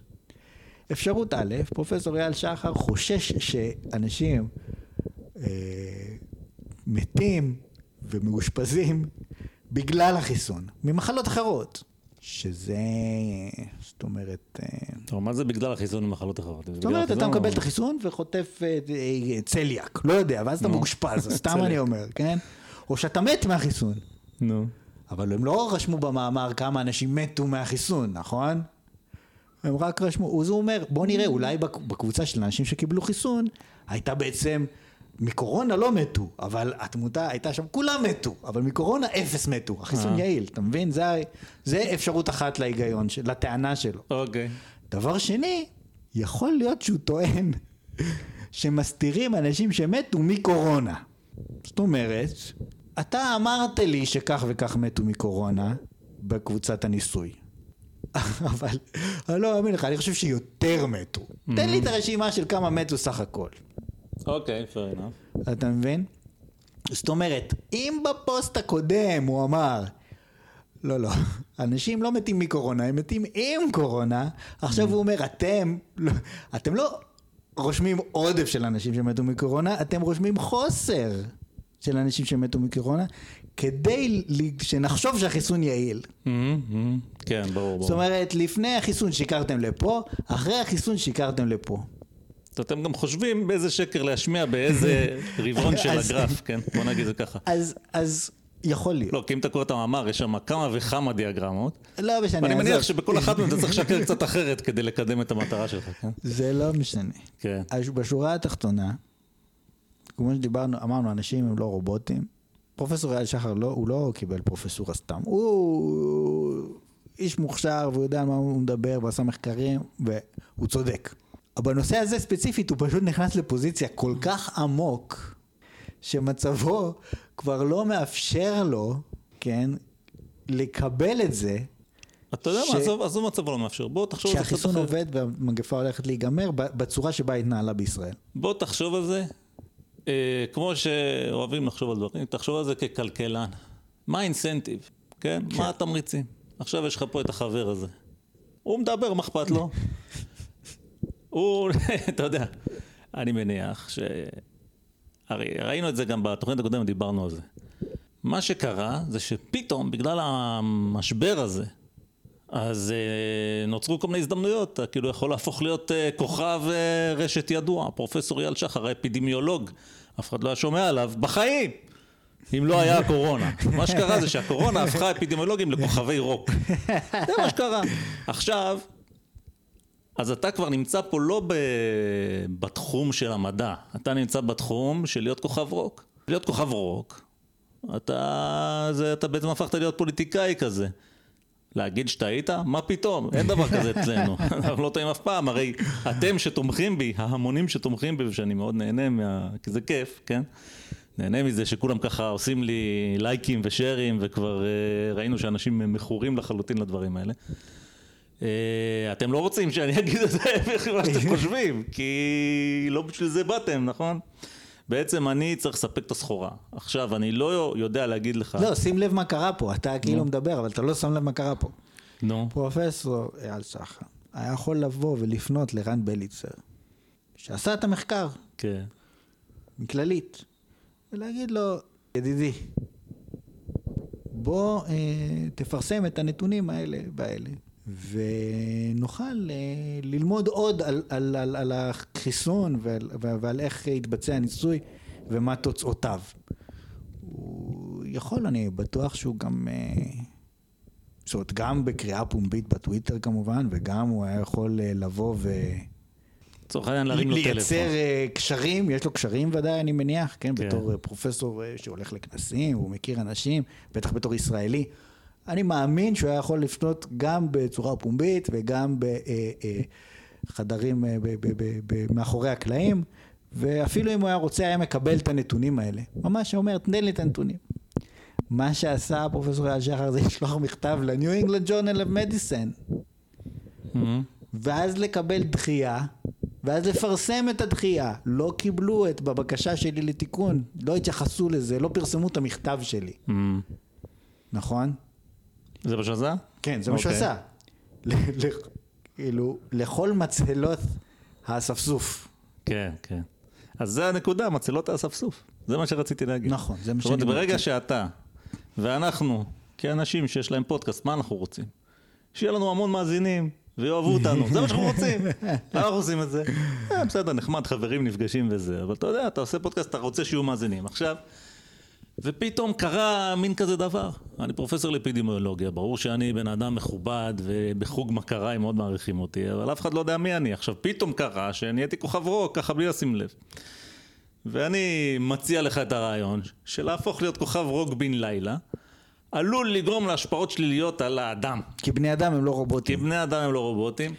כמו שקרה... הפרופסור המכובד שעשה כן. מחקרים ופרסם בז'ורנלים, והיה מדויק עד למקום העשירי אחרי הנקודה. ואני מניח, לא מכיר אותו אישית, אבל כנראה שהוא כבר פרסם ב New England Journal of הוא Medicine. פרסם ודאי. ועבר לא, את לא ה-peer review אני לא רוצה שלהם. להגיד ודאי. כנראה שהוא פרסם. אפשר לבדוק את זה הוא בשנייה. פרסם אבל- בערכונים אה, פרסם מכובדים. בעיתונים מכובדים. הוא הוא פרופסור באוניברסיטה מכובדת בארצות הברית, זה כן. לא חרטא.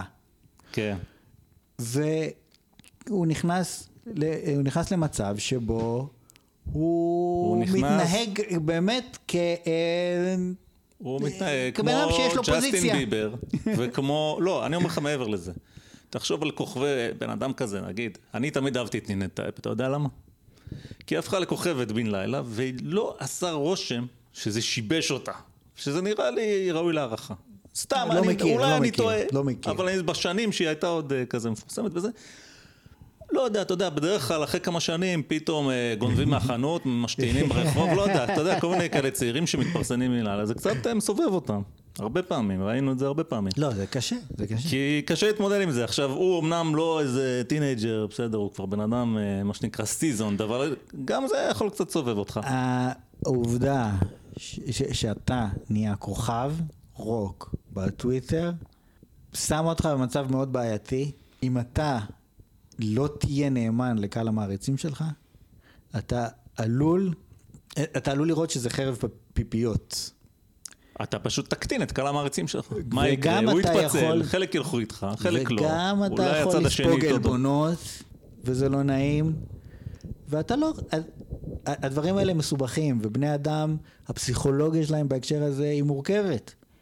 תחשוב איזה מטופש זה, שאתה רושם משהו בטוויטר, ומישהו אחר לא מכיר אותך, לא ראה אותך, כותב לך, גם דיברנו על זה בתוכנית הזאת, כותב לך משהו. אתה מניאק. אתה אומר, אני מניאק? מה אתה מכיר את הסיפור על... אה, סיפרתי לך את הסיפור על קווין דורנט, שהוא היה מגיב בשם בדוי, על כל מיני אנשים שכאילו אה, מסתלבטים עליו באינטרנט. Mm. שחקן כדורסל, מולטי מיליונר, יש לו הכל. כן. כולל מעריצים, והוא מסתובב בטוויטר בשם בדוי, והסיבה היחידה שגילו את זה, כי בטעות הוא צייץ מהטוויטר האמיתי שלו פעם אחת. אה, אמרו, כן. "אה, זה, מה זה זה, הוא." כן. כן. ואתה מציין נגד כל מיני אפסים שאין להם עשירית אלפית ממה שיש לך, ואתה רודף אחריהם, ואתם אה, מניאקים וקווין דורנט הוא אחלה גבר. למה? כי בני אדם הם לא רובוטים. כן. אז בוא, טוב, אנחנו כבר טוחנים את הנושא הזה. לא, מה זה טוחנים את הנושא הזה? אני חושב שהדוגמאות הן מאלפות, לדעתי. לא, לא, כן, אני, אין, אני, אין לי ספק שזה חשוב, מה שאנחנו אומרים עכשיו, בגלל זה אנחנו עושים את הפודקאסט, שכולם ישמעו אותנו. אז. אתה, אז אתה נהיה כוכב רוק, אתה מתמכר ללייקים, אתה בעצם, אה, אתה יודע, יש פה עוד בן אדם שכבר הזכרנו בפודקאסט, גדי טאוב. שהולך- הולך. ומתחרפן, זו דוגמה מצוינת. כן, ככל שעובר הזמן הוא הולך ומתחרפן. אני זוכר שבהתחלה עשינו עליו את התוכנית וקראנו מה שהוא אומר, אמרנו טוב, הוא מדבר שטויות וזה כזה רטוריקה ריקה, אבל מה שהיה אז זה שייקספיר, לעומת מה שקורה היום, וכמה זמן עבר, אולי שנה? כן. והבן אדם כאילו מחורפן לחלוטין, הוא כאילו...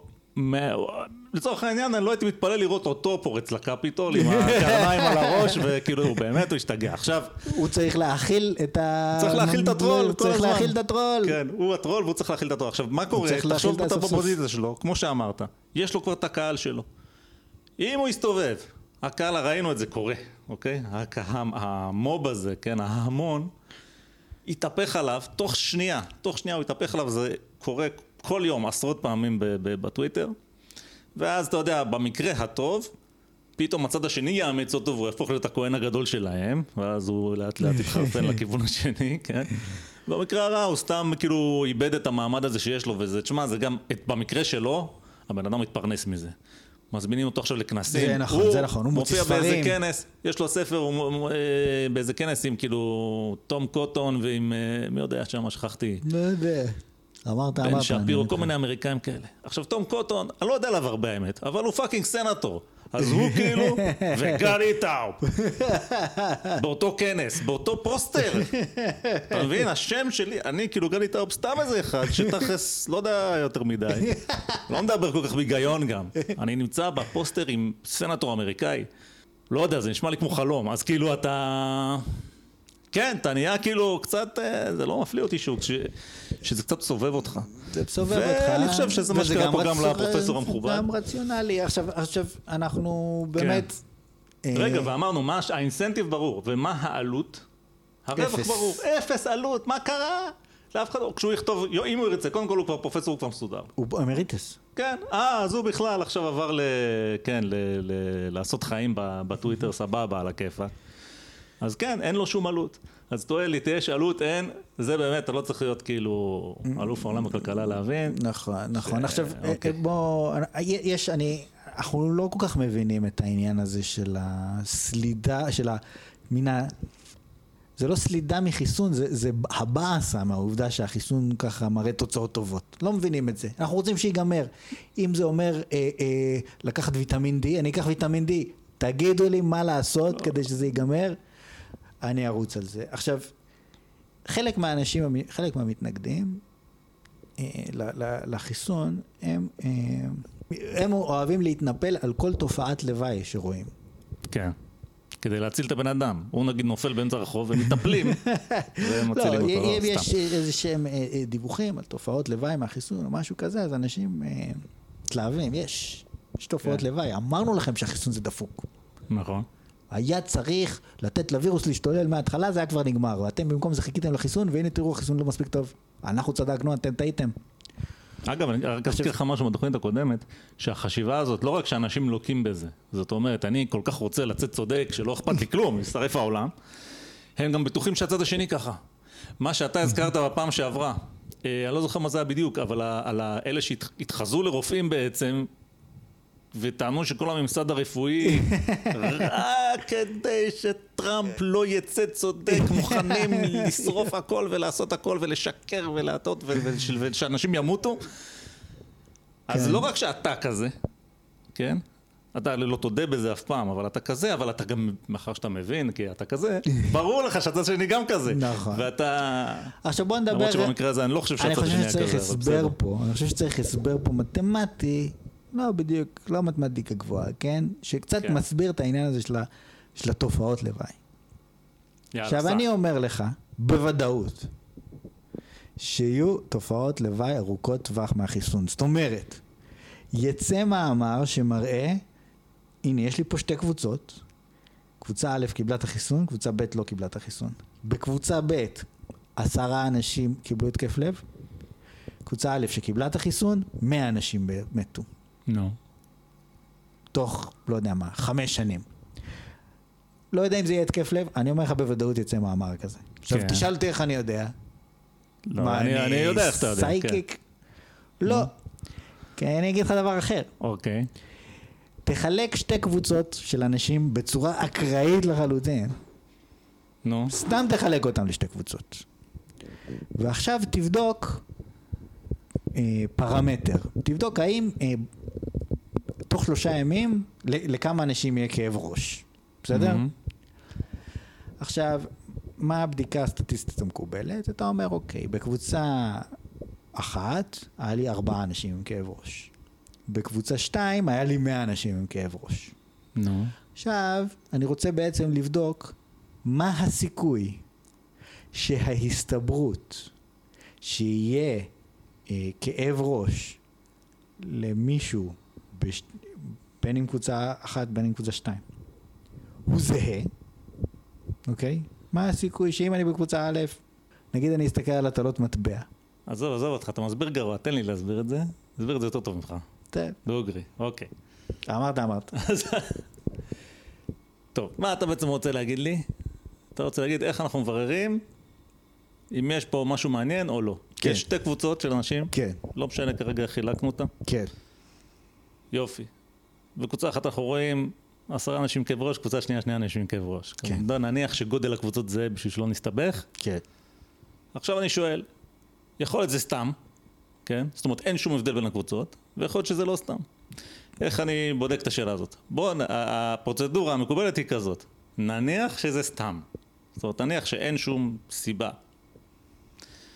ואז, תחת ההנחה הזאת, יש נוסחה ידועה שבודקת מה הסיכוי שאני רואה מה שאני רואה. זאת אומרת, מה הסיכוי שכמו שאמרנו, יש עשרה בקבוצה הזאת עם כאב ראש ושתיים בקבוצה הזאת עם כאב ראש.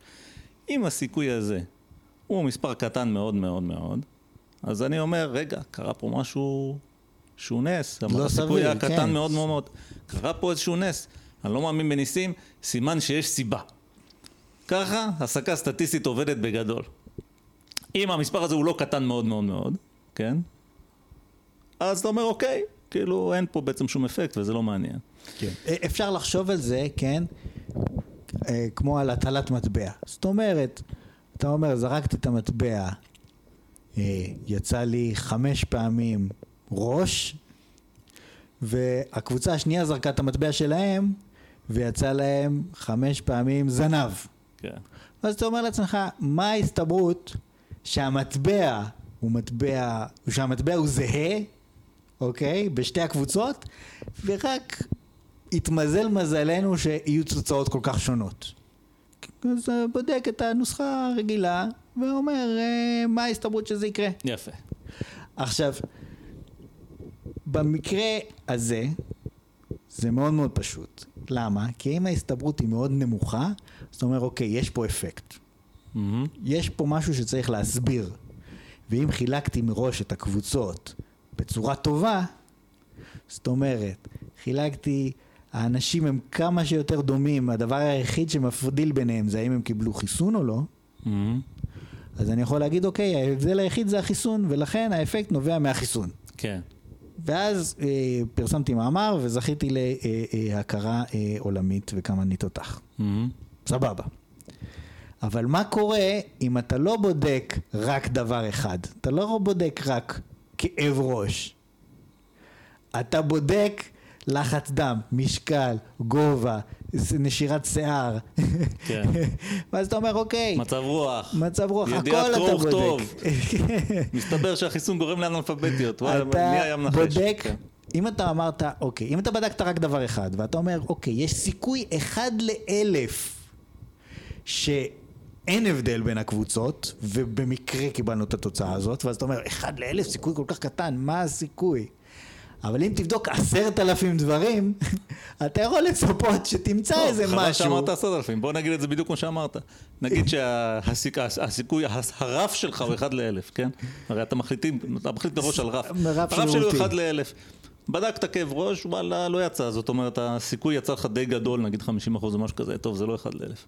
אבל מה זה אומר אחד לאלף? שאם תבדוק אלף דברים, אחד מהם יצא לך. נכון. ועל זה אתה תפרסם את המאמר. נכון. וזה רמאות אה, סטטיסטית אה, שכבר דיברנו עליה באחד הפרקים הקודמים, אני לא זוכר איזה. זה יפה. אז כן. עכשיו אני אומר לך, הסיכוי שלא יהיה מאמר שאומר שיש תופעות לוואי מהחיסון הוא אפס. כי פשוט לא, זה אבל רק שאלה השאלה- של כמה דברים אתה בודק. השאלה היא, אז בוא אני אשאל אותך שאלה כזאת, אני שואל את עצמי, בסדר? כן. כי הרי בשביל זה יש לנו את ה-New England Journal of Medicine, כן. שהוא עיתון רציני, נכון. ויש peer review, כן. והם בודקים. נכון. עכשיו, לא, יפרסמו את זה. אבל השאלה היא, נו. השאלה, מתי באמת צריך להיות מודאג? אם גם בישראל, וגם בשוודיה, וגם בארצות הברית, וגם בפרו, נו. קיבלו את אותה תוצאה, אז כבר אתה אומר, אוקיי, יש פה משהו. אוקיי? למה? כי אתה אומר, מה זה? איך יכול להיות שבארבע מדינות שונות לא, זה, את- זה מאוד ברור, כן, אוקיי. בסדר, זה מין סטטיסטיקה מסדר שני עכשיו. נכון. בדיוק. אוקיי, זה בסדר גמור. אז או- או שאתה עושה משהו כזה, אתה אומר, אוקיי, ראיתי משהו, אה, אני לא יודע אם זה אמת או לא. אני לא יודע אם באמת זה תופעת לוואי מהחיסון. אבל יש לי חיסון אחר, שבו לא מצאתי שום דבר. אז אני פשוט אזנח את החיסון שאולי יש מחשבה שאולי יש בעיה. נו, כאילו זה גם יכול לקרות. אה, אני, אני לא, זאת אומרת, יכול להיות כל מיני אפשרויות. מבחינת הסקה סטטיסטית, כשאני עושה את הדברים האלה, אז דבר ראשון, אם אני רואה איזושהי תופעה, אני אומר, אוקיי, מעניין, יכול להיות. עכשיו, אני צריך להסתכל על נתונים חדשים שמעולם לא ראיתי ולא שיחקתי איתם, ואני רוצה לראות האם התופעה חוזרת על עצמה. כן. אז אני אומר, אוקיי, יש פה משהו. כי הסיכוי שזה יחזור על עצמו הוא כבר ממש קטן. כן, בסדר גמור. טוב, בוא נסכם את זה ככה. בסופו של דבר, גם אם יוצאת תוצאה מובהקת, שורה תחתונה, מבחינת, ה, בוא נגיד, היחס המדעי הנכון לזה, זאת בעצם הצעה לקהילה המדעית. בוא, בוא נבדוק את זה עוד פעם, כמה פעמים, כי יכול להיות שבאמת נכון. יש פה משהו. ואכן- זה לא אומר בוודאות שיש פה משהו. ודרור מבורך, כן. פרופסור דרור מבורך מהדסה, הוציא קול קורא לכל הרופאים במדינה, וגם פרסם את זה בוויינט, הוא אמר, אנחנו רואים שכתוצאה מחיסון הקורונה, לא כתוצאה, סליחה, שבעקבות חיסון הקורונה, יש הרבה אנשים עם אה, דלקת בלב. אמ, אה, תופעה, איזושהי תופעה אוטו-אינפלומטורית או משהו כזה, אני לא, הוא מומחה גדול. והוא אומר, אנחנו עכשיו מתחילים לשים דגש על לעקוב אחרי זה, וכל רופא שנתקל בזה, צריך לדווח כמה שיותר מהר למשרד הבריאות. כן. והוא מסייג, הוא אומר, כרגע לא נראה, היו אה, עש- עשרה מקרים, אני לא יודע כמה מקרים היו, כן, מתוך שלוש מיליון, זה לא הרבה, אבל עדיין הזהירות מחייבת להמשיך לעקוב אחרי זה, והוא אומר, אני לא יודע על סמך מה, הוא אומר, אנחנו עדיין לא אה, מסווגים את החיסון כלא בטוח. אני קטונתי, זה מה שהוא אומר. אני יודע למשל שכבר באירופה יש את החיסון של אסטרזנקה, שהוא, אה, אה, עצרו אותו, זאת אומרת לא נותנים אותו יותר לאנשים, כי הי- היו כמה אנשים שהיה להם בעיית קרישה אחרי החיסון. כן. לא יודעים אם כן קשור, לא קשור, אבל עצרו את ההפצה שלו. צריך להבין שאנשים, זה, זאת אומרת, לא- אנשים זהירים עם זה, אוקיי? כולם אומרים, תופעות לוואי מהחיסון ומסתירים מכם, זה לא מה שקורה, כאילו. ממונה מטעם משרד הבריאות לרכז את הנושא הזה של תופעות לוואי מהחיסון. מאה אחוז, אוקיי, אז אנחנו זה רואים- לא איזה, אתה יודע, הדברים. לא, זה חשוב, זה הבדל חשוב. זה לא שזה אללה בבאללה, ויש איזה מנהל מחלקה פנימית בהדסה שאומר, רגע, אה, נראה לי יש פה משהו, בוא נתחיל. לא, זה עובד בצורה מסודרת, ויש מישהו, שיש ועדה שעוקבת אחרי זה, הוא במקרה יושב ראש הוועדה, זה לא אללה בבאללה. כן, והוא מפרסם קול קורא לשאר הרופאים, הוא אומר, בעצם שמתי לב למשהו, תשימו לב גם אתם, ונראה לאן זה יתגלגל. עכשיו זה בדיוק מה שאמרנו קודם. הנה, יש חיסון, יופי, הוא עבר את המבחני בטיחות, אז בואו נתחיל לחסן, התחלנו לחסן. ועכשיו מגיעים נתונים חדשים מהשטח, אנחנו רואים משהו ואנחנו נו, נגיב לזה ונחשוב על זה ו- וכן הלאה. זאת אומרת, זו ההתנהלות המשעממת אה, משהו הזאת והרובוטית משהו, כמו שאתה קורא לה. ויש משהו אחר. להגיד, אה, רגע, הוא כאב לו בברך אחרי חיסון, ישר לטוויטר, דיברנו על זה. אז אה, כן, אבל שים לב, שים לב. כן? ולצעוק כשמסתירים ממך, וכשמי שממונה מטעם הממשלה אומר, אולי יש פה איזה תופעת לוואי, להגיד, אהה, אבל שים לב לדקות הזאת, כן? כמה זה מסובך ומורכב בעצם להבין את התופעה הזאת, שהיא נדירה סך הכל, כאילו, אתה מדבר על, אני לא יודע כמה עשרות, עשרות בודדות מתוך אה, מיליונים. מיליונים שחוסנו. אה, ו- ו- והתופעה הזאת גם קיימת, זאת אומרת, זה לא משהו שלא קורה אף פעם, זה, זה, זה, זה קורה לאנשים, הדברים האלה, ככה שמאוד קשה להבדיל האם זה חדש, לא חדש, מה קורה פה. ו... אה, אדם לא עובדים ככה. בני אדם אומרים, קרה, היה חיסון, היה דלקת, גמרנו, זה החיסון, שלום על ישראל. תלוי, אם הם היו בפרדיספוזיציה לייחס דברים לחיסון, אז זה מה שהם יגידו, גם לא, ולא גם, וגם ולא בהכרח. לא בהכרח. לא בהכרח גם, כי אנשים הם בני, הם אנשים, תשמע, אני עושה את זה עשר פעמים ביום, אוקיי? כואבת לי הבטן, אני אומר, אה, זה בטח בגלל שאכלתי את ה... בדיוק. עכשיו אין לי מושג. כל הזמן כואבת לי הבטן ואני אוכל מלא דברים. אז תכלס, כל פעם שאני עושה את זה, אני עושה את הטעות, את אותה טעות. בסדר, נו. נכון, אז. אנחנו, אז, אז דיברנו פה, אנשים לא רובוטים וקשה לתפוס את הסטטיסטיקה, ומי שרוצה שהחיסון יהיה דפוק כדי שלא ייתנו אותו, כי יש לו איזה אג'נדה נגד החיסון, ימצא את זה, ומי שמתנהל באחריות, מתנהל באחריות, ובואו נמשיך לדבר הבא, שזה אחד הדברים האהובים עליי בעת נושא ההתנהגות האנושית. נושא המסכות. אני זוכר שקראתי אה, בשלב מסוים בקורונה, פוסט של איזה מישהו, שהוא כותב, אה, עברתי ליד איזה בית ספר במדינה אחרת, לא בישראל, לא זוכר איזה מדינה זה היה בדיוק, ו... וראיתי ילדים משחקים בחוץ עם מסכות. וזה קרע לי את הלב, איזה התעללות בילדים, לשים עליהם את המסכות האלה, לא נוחות. ו... ילדים צריכים חופש, צריכים לשחק עם המסכות האלה, וזה גועל נפש, משהו כזה. בטח גם היה את המילה שואה איפשהו, לא יודע. ישראלי? ישראלי? כן, ישראלי אוקיי. שגר בחו"ל, אני לא זוכר באיזה מדינה לצערי. אוקיי. ואני אמרתי לעצמי, בואנה, זכור לי שהגרנו בקנדה, והיה מגיע החורף. והדברים שהיו מלבישים את ה... היה חייב, חייבים לצאת החוצה, אלא אם כן זה מתחת למינוס 20, רק אז לא יוצאים החוצה. אוקיי. אבל... ומעל 30 מעלות, אבל מתחת, כאילו עד מינוס 20 יוצאים החוצה, ואתה צריך להתלבש. כן. זה מכנסי שלג, ומגפי שלג, ומעיל שלג, וכובע, וכאילו גם חם צוואר, ואנשים היו שמים אותו על הפרצוף, כי כך, אז אתה שם אותו על האף. כן. בקיצור, אה, אתה יודע, מסכה מסכנה, מה הסיפור? כאילו, יש לאנשים איזשהו, אה, אני לא יודע, אולי אני פה, אני לא מפריע לבסך כל כך. יש אנשים שכאילו לוקחים את זה קשה. כן. אבל לא על זה אני רוצה לדבר, אני רוצה לדבר על העניין של איך שמים את המסכה. או. עכשיו, אנחנו מכירים, אנחנו יודעים את זה, כן? היה מאוד מוקדם בקורונה, היו כל מיני case reports של, לא יודע מה, היה איזה מקהלה, אוקיי? שאחד היה שם אה, חולה בקורונה, והיה איזה, הם עשו איזה חזרה אחת של איזה שעה, שעתיים, וחצי מהאנשים נדבקו.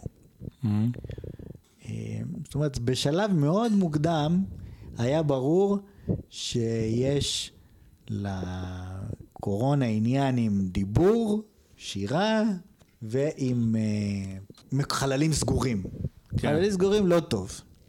באוויר הפתוח, אני לא מומחה, אבל אנחנו מכירים את, היה את ההפגנות של ה-BLM בארצות הברית, והיה את ההפגנות בבלפור, והיה את ההלוויות שהחרדים היו בהם, ועכשיו היה מסיבות פורים, ולא נראה שיש אפקט משמעותי אחרי אירועים כאלה המוניים באוויר הפתוח. אמ, להגיד בוודאות אני לא יכול. עדיין המדענים בעצמם עושים על זה debate, אבל גם נחמן אש, כן, ממונה הפרויקטור של הקורונה, גם הוא אמר, כן, המסכות בחוץ זה יותר אה, כדי להרגיל את האנשים, כי בני אדם הם לא רובוטים, זה לא שאתה נכנס פנימה, שם, יוצא החוצה, מוריד, כאילו, לפעמים אתה שוכח לשים, אתה שוכח לקחת מסכה, אז כדי שכולם יהיו עם מסכה, צריך לשים מסכה כל הזמן וזהו, שיהיה פשוט, כאילו, צריך לתת חוקים פשוטים ש, שיהיה קל לעקוב אחריהם. עכשיו, מתחילת המגפה קל מאוד לשים לב לעובדה שבני אדם סך הכל בחוץ שמים את המסכה, איך שנכנסים פנימה, מורידים. כן. זאת אומרת, אתה אומר לעצמך, מה איתה מה, כן? זאת אומרת, איך, איך ההיגיון הזה, לא, איך זה עובד? ההיגיון פשוט אחר, דווקא ההיגיון הוא די ברור לי. מה זאת אומרת? ההסבר לזה? מה, מה, איך זה עובד? התחושה שלי האישית, טוב, כי אתה מסתובב ברחוב, סבבה? יופי. מה אתה עושה חוץ מזה? כאילו, אתה בדרך לאנשהו כנראה, כן?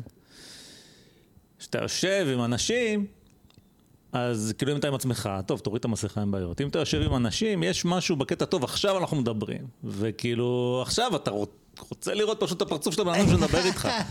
נראה לי שזה אני. לא, זה- לא יודע, לדעתי יש מין איזו תחושה כזאת, אתה בפנים, אתה בטוח, בחוץ, אתה עם הרבה זרים? וכאלה, אז אתה אומר אז הנה, לך יש תיאוריה פסיכולוגית אחרת משלי. כן, אני את, לא אה, יודע. את שעת לא, נעילה? אבל אה, לא, את אני אגיד לך איפה שעת אתה נעילה? צודק, אני אגיד. לך איפה אתה צודק. כי זה דבר נוסף שראיתי לגבי המסכות, כן. שאנשים עם מסכה, יופי טופי, גם נגיד אם יש איזה צדיק ששם את זה גם בפנים, ואז כשהוא רוצה לדבר, הוא מוריד מוריד, את כן. המסכה. אבל מה אמרנו בהתחלה? אמרנו, אם היית סותם את הפה כל הזמן, אולי לא היית צריך את המסכה. כן, כאילו, טוב, אתה מנשמים דרך האף בכל זאת. אז אתה, אה, לא, זה, המטרה אבל של המסכה היא זה בעיקר שלא תדביק אחרים ופחות שלא תדבק בעצמך. לא, אתה מוציא, אני אומר, יכול להיות שאתה גם מדביק דרך האף, לא, אני לא זה יודע. נכון. על, כאילו, באמת, כמו שאמרתי על ה-case report המאוד מוקדם שיצא, על המקהלה הזאת. זאת אומרת, הדבר הכי גרוע שאתה יכול לעשות זה לדבר. ככה זה נראה, אני לא מומחה, אולי אגב, זה לא. מסקנה כללית מהקורונה באופן כללי, הדבר הכי גרוע שאתה יכול לעשות זה לדבר. זה באמת, מתת הדיבור, עלייה וקוץ בה, כן, אבל תמשיך. אז אין, זאת אומרת, אין היגיון בשימוש במסכה. אני, אני לא אומר את זה כאילו, אתה יודע, גם אני לא הכי הקפדתי תמיד, מה לעשות, אבל נגיד שהייתי הולך למשפחות, פוגשים את ההורים המבוגרים, לא, מה אתה מתכוון שאין היגיון? אתה מתכוון שאנשים לא מקיימים היגיון בשימוש במסכה. נכון, כן, כי- לא שאין היגיון במסכה כן, עצמה. כי זה לא שאתה יכול להגיד, אוקיי, אני פרויקטור נחמן אש, רושם על פתק הוראות איך להשתמש במסכה וכולם יצייתו. זה לא עובד ככה. אנשים ככה זורמים. אגב, שמים, ניסינו, לא יודע אם הוא. רשם על פתק או לא. בסופו של דבר, גם כשאני הולך, אתה יודע, לאנשים מבוגרים, לא הגלורים שלי, כן, אני יושב שם בבית עם המסכה. כן. מה קרה? אז אני שעה, שעתיים עם המסכה בתוך הבית. אבל זה כל כך מוזר, זה כאילו אנשים אומרים לי, ההורים גם, רגע, אנחנו, אתה רוצה שגם נשים מסכה? כאילו, לשים מסכה? כן. זאת אומרת, הם היו כל היום בבית, לא היה אף אחד, הם היו בלי מסכה. ואז באים פתאום אורחים, אבל זה עדיין הבית שלהם. מה, הם ישימו מסכה? זה לא קצת מוזר? כל היום היינו בלי. תראה, זה כן קצת מוזר. אני, הבת זוג שלי נכנסה לבידוד. עכשיו, אה, אוקיי, אז אה, גם אני בעצם הייתי בבידוד. עכשיו, אני גם ככה בבידוד כל הזמן, מאז הקורונה, זה לא ממש השפיע על אורחות חיי. אבל אתה יודע, נורא לא רצינו, שלא ידענו אם היא חולה או לא, ואני לא רציתי להידבק, והיא לא רצתה להדביק אותי, כי זו מחלה שתלוי איך אתה נופל עליה, לפעמים כן. זה, וואלה, גומר אותך כאילו. אז אתה יודע, קרה לנו, נסענו באוטו, הסעתי אותה מה... באותו יום, כאילו, אחרי זה כבר לא נסענו באוטו לשום מקום, כן? אבל רק בדרך חזרה, עם uh, מסכות N95 באוטו. עכשיו, מבחוץ, ברור לי איך אנחנו נראים, כמו שהם מפגרים, יושבים בתוך האוטו עם מסכות, כאילו ש... אבל אתה מבין? אתה מבין? כן. אמרת פה דבר נפלא. אה, נו. איך אנחנו נראים? כמו שני מפגרים. עכשיו, הרציונל אומר, אני לא רוצה לקחת את הסיכון, אני בן 40, 5% לאשפוז, תסתכל באתר של האקונומיסט, הם מראים לך את הגרפים. גם כל עזוב. החמש- עזוב יש לך החמש 5% אחוז. מה להיות מאושפז? עם חמצן. ראית מה כן. קרה היום בירדן, שמתו 12 איש כי נגמר כן, החמצן? כן, ראיתי. אתה יכול להיות מאושפז עם חמצן, ולא יהיה חמצן, תקלה, הפסקת חשמל, לא יודע מה, האקרים איראנים, ואתה תקוע בלי... למה שתיקח חמש אחוז סיכון הזה? עכשיו אתה אומר לי, אבל רגע, מצד שני יש את הסיכון שאני אראה כמו מפגר. כן. אז אני, כמו שאתה מכיר אותי, את הסיכון שאני אראה כמו מפגר לא בדיוק מפחיד אותי. אף פעם לא הפחיד אותי יותר מדי, אפילו הייתי עושה את זה בכוונה. בני אדם הם לא רובוטים. ומערכת השיקולים היא מאוד מורכבת לאיך להתנהג. מה, אני אסתובב עם מסכה בפנים? מה, אני מפגר? אני נראה כמו אידיוט? תשמע, אבא שלי, כשאני חזרתי, אני חזרתי במרץ שעבר, ממש ב, בדיוק לפני שנה. נו. נחתתי. שכבר ביבי עצר את הטיסות מגרמניה, הייתי צריך להחליף טיסה, בלאגן שלם. עכשיו אני מגיע לשדה תעופה. ואבא שלי אומר לי, אני אבוא לקחת אותך, הוא בן מבוגר. אל תבוא, אני בסדר, אני אסע ברכבת, אסע כן. במונית, אני לא יודע מה. אל תבוא, אתה, אתה מגיע לזה תעופה, יש שם מיליון אנשים, מה, אתה השתגעת? התעקש לבוא, בא, אני לא שולט עליו, כן? כן. הוא בא, הוא, אני רואה אותו, הוא נקרע מצחוק, כאילו הוא עומד באולם קבלת פנים וצוחק, אני אומר, מה קרה? הוא אומר, לא, לא יודע, פה כולם במסכות, אני לא מבין מה זה הקטע הזה, מסכות, איזה מוזר. עכשיו אתה אומר, בוא'נה, אתה קבוצת סיכון, מה זה קבוצת סיכון? וכאילו, אבל אתה יודע, אני חושב... פשוט אתה לא רגיל למסכות, אז אתה אומר בואנה זה הדבר הכי מטומטם. ועבר כמה חודשים וזה, והוא הולך עם מסכה בגדול, כן? כן. כמובן בחוץ, בפנים מוריד אותה כמו כולם, אבל... אין היגיון, אין היגיון. אין, אין. כאילו, אתה אומר לאנשים שימו מסכה, עד עכשיו לא שמתי מסכה, פתאום לשים מסכה? מה, זה מטורף. זה... כאילו, אתה לא אומר, אה, אני עלול למות. אתה אומר, לא שמתי עד עכשיו, עכשיו לשים, מה, אני משוגע? לא, זה גם עניין, אני אגיד לך, זה גם מעבר לזה, אתה מסתובב. אני בסך הכל מאלה שיותר מקפידים. לצורך העניין, באורך התקופה, קודם כל לא ביקרתי אצל ההורים שלי כמעט, וכשביקרתי אותם ישבנו בחוץ עם מסכות. אני, כאילו, ככה אני עשיתי. אה, והם ככה, בצר להם, בגלל שאני מתעקש לשים את המסכה, שמו עוגה. עכשיו, אני גם חושב, סתם דעה אישית שלי, שיש משהו בדור המבוגר, שעבר את כל מלחמות ישראל. לא, אותך. לא, והוא אומר לעצמו... לא אה, מאמין בזה. אני כן מאמין בזה. אני חושב שזה ההפוך. כן, הדור אה. המבוגר פשוט קצת קשה לי יותר להתמודד עם לא, שינויים. אה, אני לא... שינויים. ההתנהגות שאתה מתאר היא גם בקרב צעירים. אני כן חושב שמשהו ב, ב, אצל המבוגרים הוא בקטע כזה של כאילו, תשמע, אתה יודע מה אני עברתי בחיים שלי, עזוב.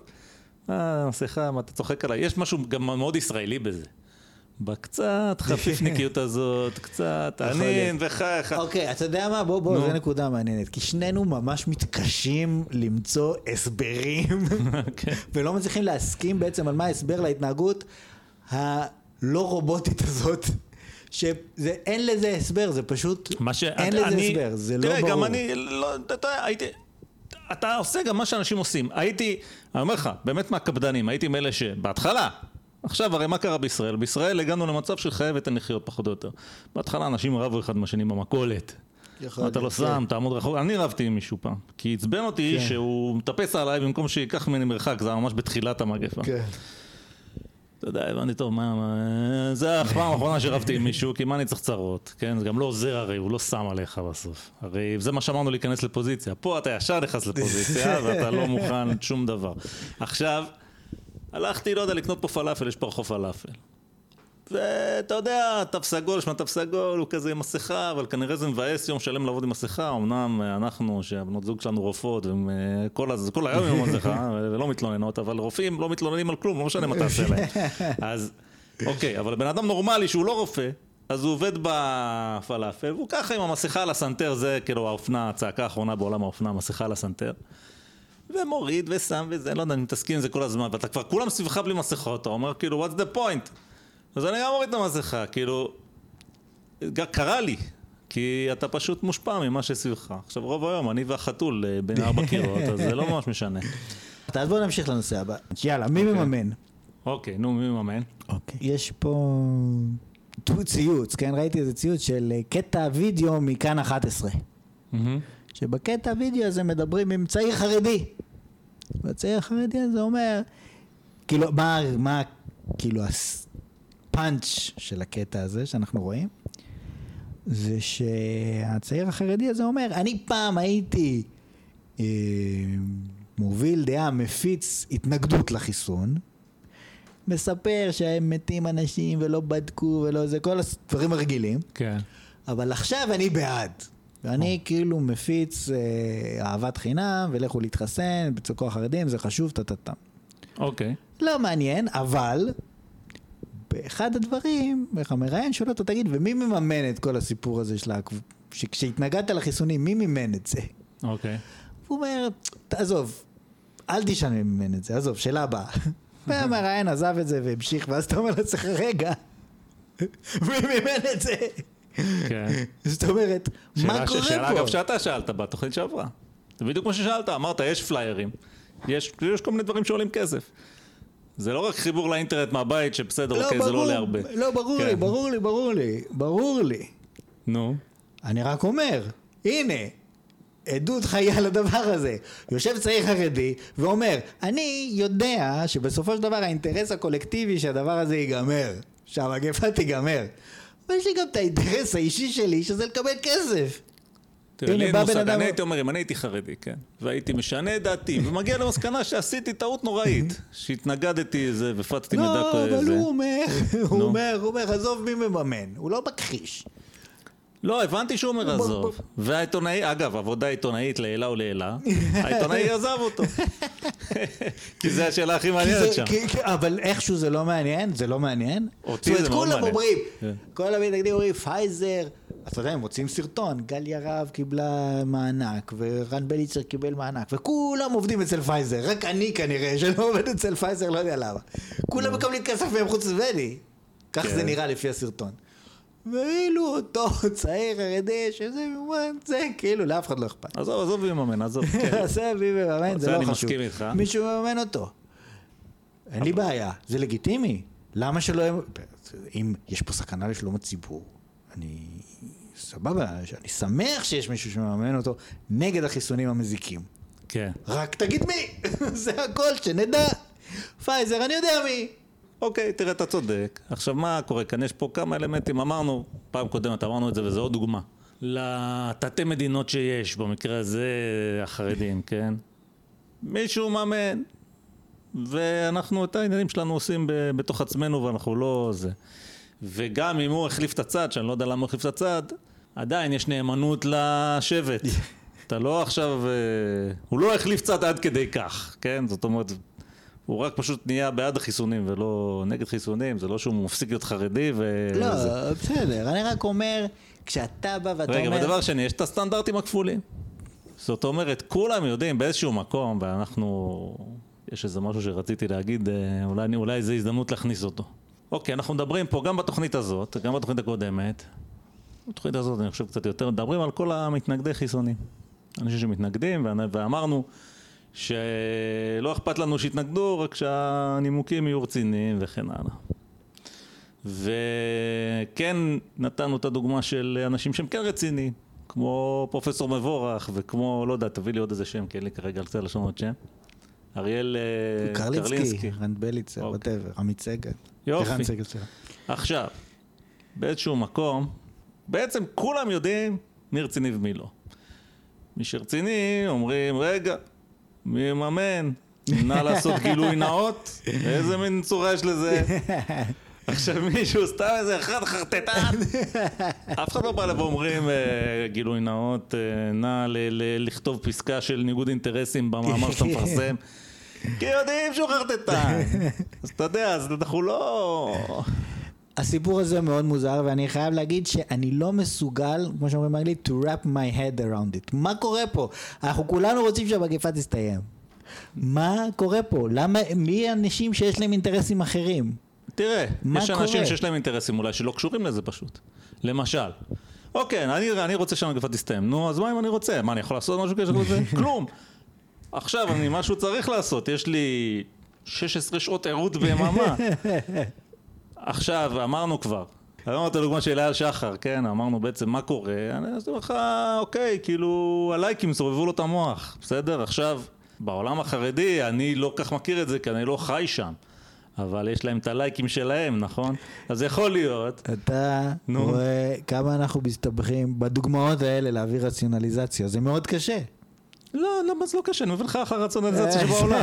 אני לא- אני לא יודע אם זה ההסבר, אבל אתה אומר- מי, למה שמישהו הוא יעשה כזה מקבל דבר? כסף, זה האינטרס שלו, מה השאלה? לא, אבל יש מישהו שמממן. מי מממן, זה מה שאתה שאלת. יכול להיות שזה ולמה? בן אדם שעושה טיפולים אלטרנטיביים. וככה הוא מקדם, אה, בסדר. והוא אומר, תבואו אליי.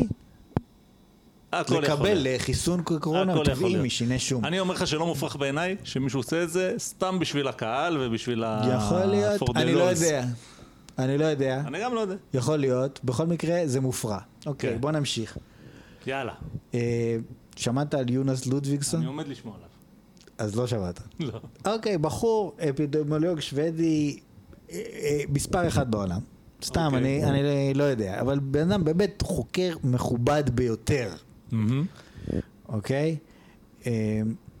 עכשיו, הוא, הוא, כאילו מאנשי ההיגיון הבריא בשוודיה, מאנשי המודל השוודי, והוא פרסם איזשהו מאמר על זה שכאילו אין סכנה לילדים מקורונה. אני לא יודע בדיוק, לא קראתי את זה, היה הרבה רעש סביב זה, כי היה איזשהו נתון שהוא כביכול הסתיר אוקיי. לגבי זה ש, שכן הייתה תמותה עודפת של ילדים אוקיי. אה, ב- בתקופה המדוברת. אני לא רוצה להתחייב בדיוק על מה כתוב, לא קראתי כי זה לא כל כך חשוב, תכף תבין למה. אוקיי.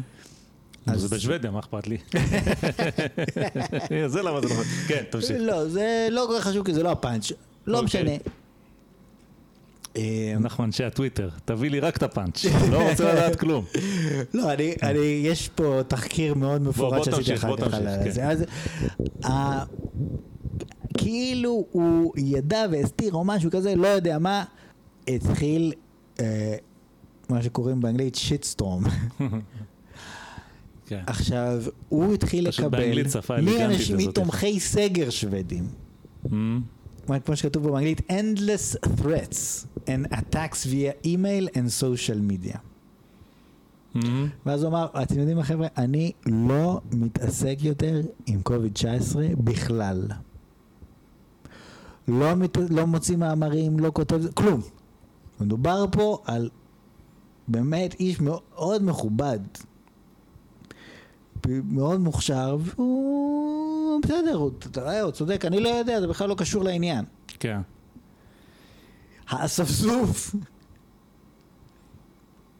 צמא הדם, החליט שצריך להקריב סלע עולה. כן.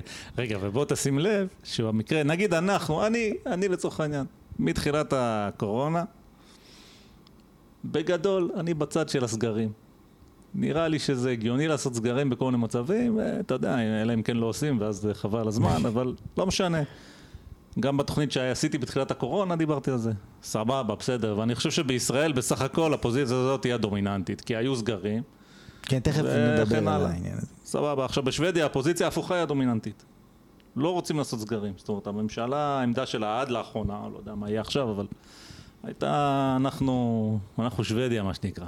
אנחנו נעשה את זה כמו שאנחנו מבינים. בסדר, דיברנו על זה, לדעתנו עשו טעות, זה לא חשוב. במקרה אגב, אני לא הזה, יודע אם עשו טעות, אבל נדבר על זה אחר כך. אוקיי, אולי הם לא עשו טעות. מה, מה אני מבין? ב, ב, אבל אנחנו לא על זה מדובר. מה שמדובר פה זה באמת על האספסוף. זאת אומרת, מה שאמרתי קודם, יש לך את הכבשים האלה ואת הכבשים האלה, הם כולם כבשים. והאספסוף יש לך בשניהם, והנה האלה, התומכי סגר השוודי, הם כאילו שם האנדרדוג. כן? בדיוק. והם אה, יצאו על הפרופסור המסכן הזה, שלא יודע מה הוא עשה, מה לא עשה, אבל בסדר. בסדר, מטרתו בסך הכל להתמודד עם המחלה בצורה כן. הטובה ביותר. זה מה שהוא מבין, זה מה שהוא יודע, זה מה שהוא אמר לעשות. הוא... כן, בקיצור, אולי כמעט- הוא עשה טעות, אולי כן הוא עשה טעות, זה לא משנה. כמעט הרגו אותו. כן הרגו אותו. כי בני אדם, אתה יודע מה, אולי הם לא רובוטים, אבל הם בהחלט כבשים. יפה מאוד.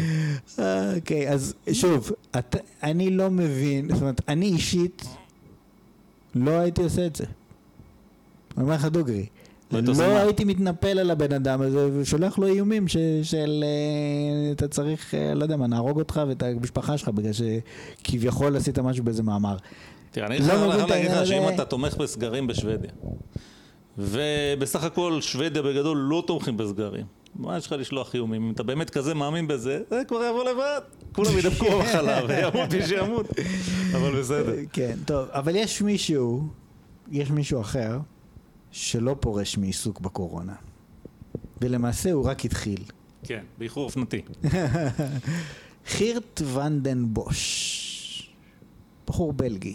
אוקיי. עכשיו מי האיש? טוב, האיש הצטרף לטוויטר בשלישי במרץ אה, 2021. הוא כתב ציוץ שבו הוא כותב שהוא extremely worried, מהמם. אוקיי? מאוד מודאג ממבצע החיסונים הענק שקורה בעולם. הציוץ מקצועי, זאת אומרת, יש שם שטרודל CDC, יש שם hashtags, זה הציוץ הראשון שלו אי פעם בטוויטר, אוקיי? מהמם. יש שם hashtag pro-vaxxer ועוד איזה כמה, ויש לינק מוקטן כזה, tiny URL, כן? מהמם. ויש שם גם עוד אה, תמונה של איזה מסמך, משהו כאילו fix.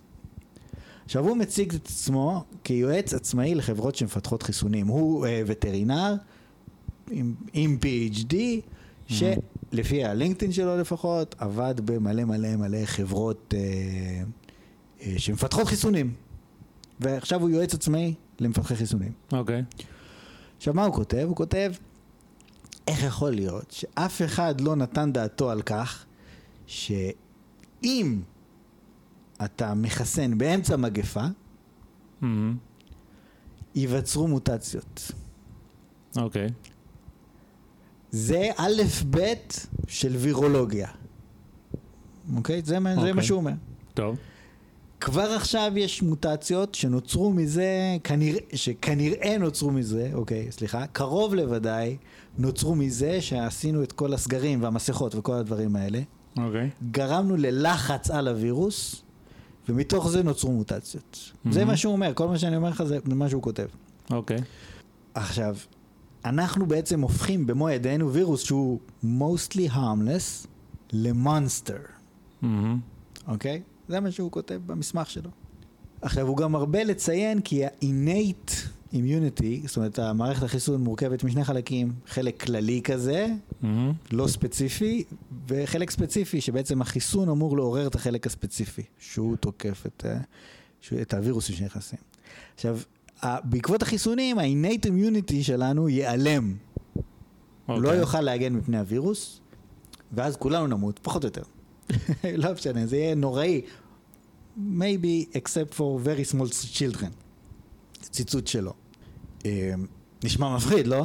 נשמע מפחיד. הוא כן. גם בן אדם עם קרדנציות, כאילו, בלי סוף.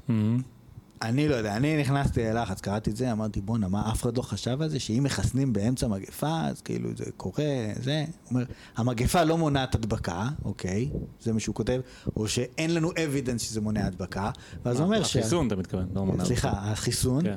ואז הווירוס עובר מבן אדם לבן אדם, ויש עליו לחץ, כי יש הרבה נוגדנים, ואז הוא יפתח מוטציה ושלום על ישראל. מפחיד, אני חייב להודות. Mhm. אבל אני בדרגעים כאלה שומר על קור רוח, ומה אני עושה? גוגל, אני עושה גוגל על האיש. מהמם. אוקיי? אז דבר ראשון, הוא, הוא, ב- עוד, עוד קראתי במסמך שלו, הוא, בלינק שהוא צירף, שהוא עושה איזושהי מצגת. הוא מציין שהמצגת שלו זה הרצאה בכנס פסגה מיוחד על חיסונים, שנערך באוהיו בראשון עד השלישי במרץ, השנה, ממש לא מזמן. מהמם. אז... אה, אז יום אחרי הכנס הוא הצטרף לטוויטר וצייץ. משהו כזה, כן. משהו כזה. אוקיי. עכשיו, עוד משהו שהוא כותב, לפני שאני ממשיך, אז הוא כותב שמגפת הקורונה, אה, בדרך כלל משווים אותה למגפת השפעת. הוא רושם שם שתי מגפות שפעת, אז אני לא יודע בדיוק למה בדיוק משווים, אבל לאיזה מגפת שפעת שהייתה לפני 100-150 שנה, מהמם. והיו לה שלושה גלים, ואז היא נגמרה. אוקיי. והוא מסביר את כל ההיגיון של למה זה שלושה גלים, ההיגיון הביולוגי. מהמם. זאת אומרת, המכה הראשונה, האנשים האלה נדבקים, ואז במכה השנייה אנשים אחרים נדבקים, במכה השלישית זה מי שנשאר, ואז נגמר, משהו, איזשהו הסבר כזה, אוקיי? לא הבנתי, כי אני איש פשוט, והוא אה, כמובן אה, פרופסור גדול. כן. פרופסור, כמו סולח. עכשיו, הוא גם מסביר את כל המנגנון הביולוגי של למה בעצם ייווצרו מוטציות. כן. עכשיו, אני, כי שוב, כן, לפני שעשיתי את הגוגל, לפני שעשיתי את הגוגל, עלו לי שתי שאלות, אוקיי? מהמם. שאלה ראשונה, איך הוא יודע מה ההסבר הביולוגי למגפה שקרתה לפני 100 שנה? הרי לא היה להם PCRים, לא בדקו נוגדנים, לא עשו כלום, אז איך, איך בעצם הוא יודע? אני לא שולל את זה שהוא יודע. Mm-hmm. הייתי שמח לדעת האם זה תיאוריה שלו, או שיש איזה שהן עובדות שהן מומרות שהדבר נכון. כן. זה דבר ראשון. דבר שני, שעניין אותי, זה שהוא לא כל כך אה, מתייחס לביולוגיה של הווירוס. זאת אומרת, האם שיש וירוס, האם אין גבול לכמה שיכול להשתנות? זאת אומרת, האם וירוס הקורונה יכול להפוך לפיל? יכול להפוך לגורילה? לארנב? כאילו, מה? לא, כי יש היגיון שאומר, מוטציות? אם אתה הולך רק לפי ההיגיון, כן, רק מבחינת הסכמה של ההיגיון, אסור לעשות שום דבר נגד אף מחלה אף פעם, כי אתה יוצר לחץ על המחלה, ואז היא תעשה לך מוטציה נכון, זה ותתהפך נשמע עליך, ככה, כן? נכון? ו- אומר, אלא אם כן, שים לב, כן. אלא אם כן זה בוודאות מונע הדבקה. אם זה בוודאות מונע הדבקה, אה, וזה כללי נגד כל הווירוסים, אז זה על הכיפאק. שים לב, חכה, זה יופיע אוקיי. במערכה השלישית, לא אוקיי? כל כך הבנתי את הכללי הזה, אבל בסדר. מה מה לא? המערכת האינט, מערכת נו. האינט של הגוף, היא מערכת כללית, היא לא ספציפית. כן. זאת אומרת שאם היא חזקה וטובה נו. ועובדת, אתה לא אמור לחלות בכלום. אוקיי. אז למה אני חולה בדברים? אה, אוקיי, כי היא לא מספיק חזקה. לא רק אני, אלא כל האנשים אי עזוב, פעם, כל החיים כן? עד היום ומאז רק תמיד. מי שהמערכת האינאית שלו חלשה. זה לפי מה שהוא אומר, הבנתי, אוקיי. בגדול. עכשיו, חוץ מזה, שוב, עוד דבר אחרון שלא אמרתי, במצגת, זה פשוט נורא מפורט שם, המ- המצגת גם מתארת את זה שכבר היום אנשים שחוסנו מפרישים אה, מוטציות מסוכנות. מהמם, אוקיי. שזה גם כן, אוקיי, כאילו, אם זה נכון זה מזעזע. אם זה נכון, אז אתה הולך להרוג אותי ואני הולך להרוג אותך, כי שנינו מחוסנים, אנחנו יושבים פה. איפה הלינק? כאילו לא, איפה הרפרנס לדברים האלה? זאת אומרת, גם כן. אנשים בתגובות בטוויטים שאלו אותו, איפה? כן, כן, כאילו, כן. זה- מאיפה זה מגיע? אני אמרתי, אוקיי, אני חייב להבין אם האיש הזה רציני או לא, כי ככה אני, אני לא יודע, אני לא מבין כלום ממה שהוא כתב. כן. הוא באמת משתמש בכל מונח מקצועי שקשור לאימונולוגיה, ואני רוצה להבין קודם אם יש מה להתייחס או לא. אז התחלתי, עשיתי חיפוש בגוגל. חיפשתי בהתחלה את הכנס באוהיו.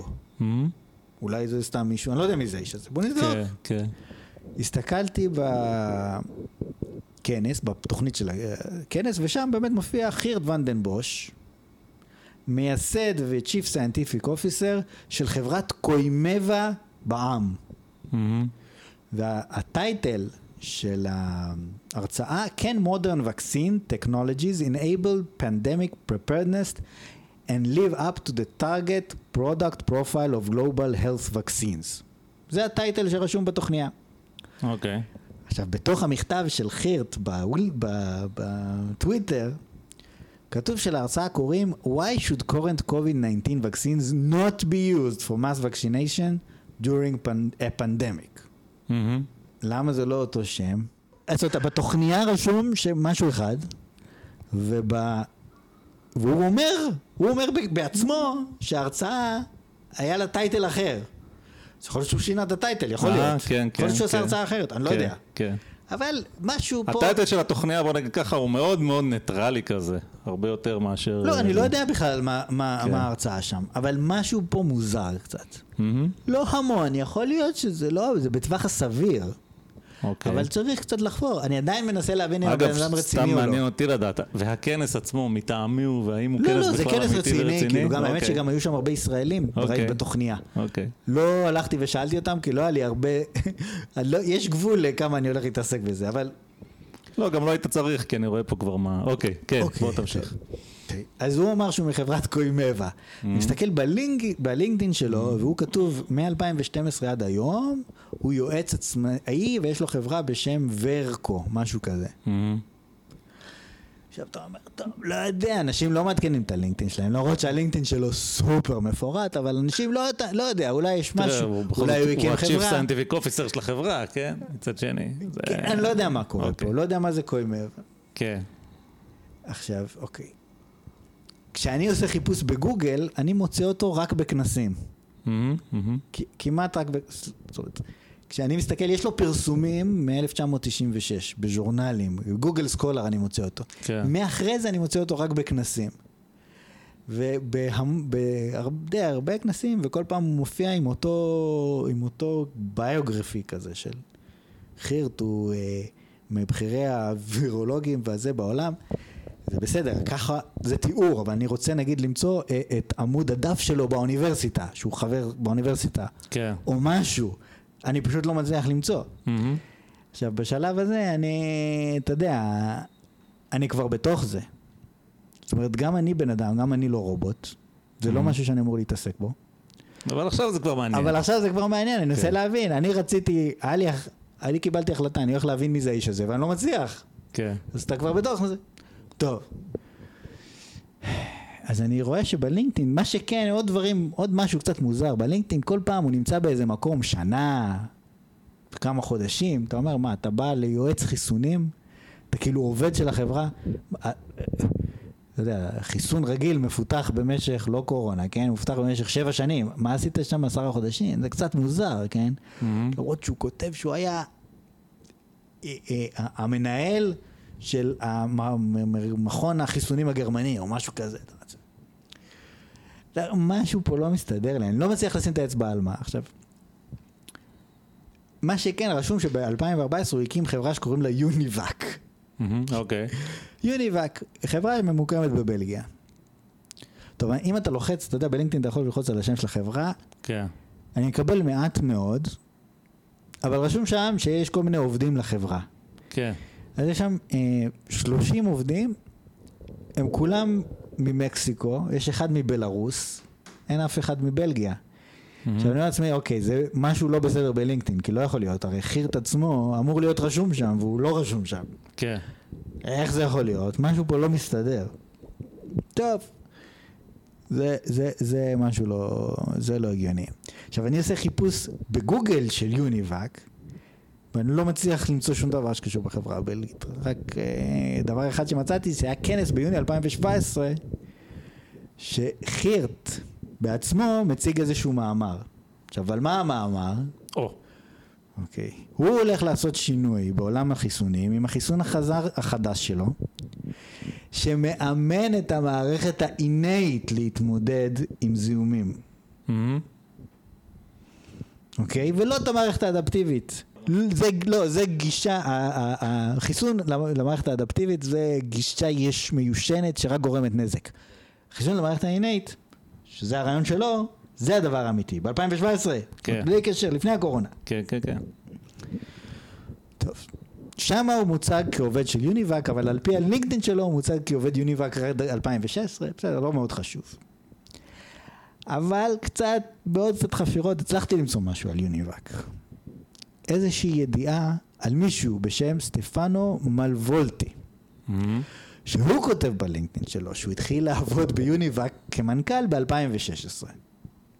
זאת אומרת, בלינקדאין שלו הוא כותב, אני התחלתי להיות מנכ"ל ב-2016 והתנעתי את הסטארט-אפ מחדש אחרי שהוא היה ב standby במשך שנה. זאת אומרת, לא היה כלום בסטארט-אפ. מהמם. זאת אומרת, בוא נעשה recap. ב-2014 חירט הקים את יוניבק. במשך שנה הוא עשה, אני לא יודע מה הוא עשה, ואז הסטארט-אפ הושבת.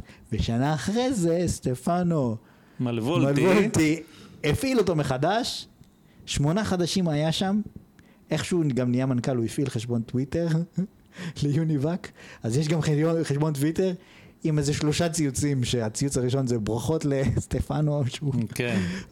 ובזה נגמר העניין. זאת אומרת, כל העניין הזה סביב יוניבק הוא... הוא... זאת אומרת, מה נראה לי שקרה פה? אה, מר חירט הקים את החברה, לא התקדם מילימטר, ובזה, והחברה נסגרה, ובזה נגמר העניין. מהמם. שאני חייב להגיד שזה כבר נותן לך איזשהו, אתה אומר לעצמך בוא'נה יש טעם, זאת אומרת, כמה מומחה אתה יכול להיות אם כאילו הקמת חברה ולא, אתה יודע, אחרי שנה נכנסת לסטנד ביי כאילו, מה קורה פה, מהמם. כן? טוב, אז אמרתי, זה לא מספיק. הסתכלתי על התגובות שלו, על האקטיביטי שלו, האקטיביטי בלינקדאין. אוקיי? וכדי לראות מה הוא כותב. עכשיו, הוא כותב כל מיני דברים. מה אני אגיד לך מה הוא לא כותב, זה כבר אני אגיד לך מראש.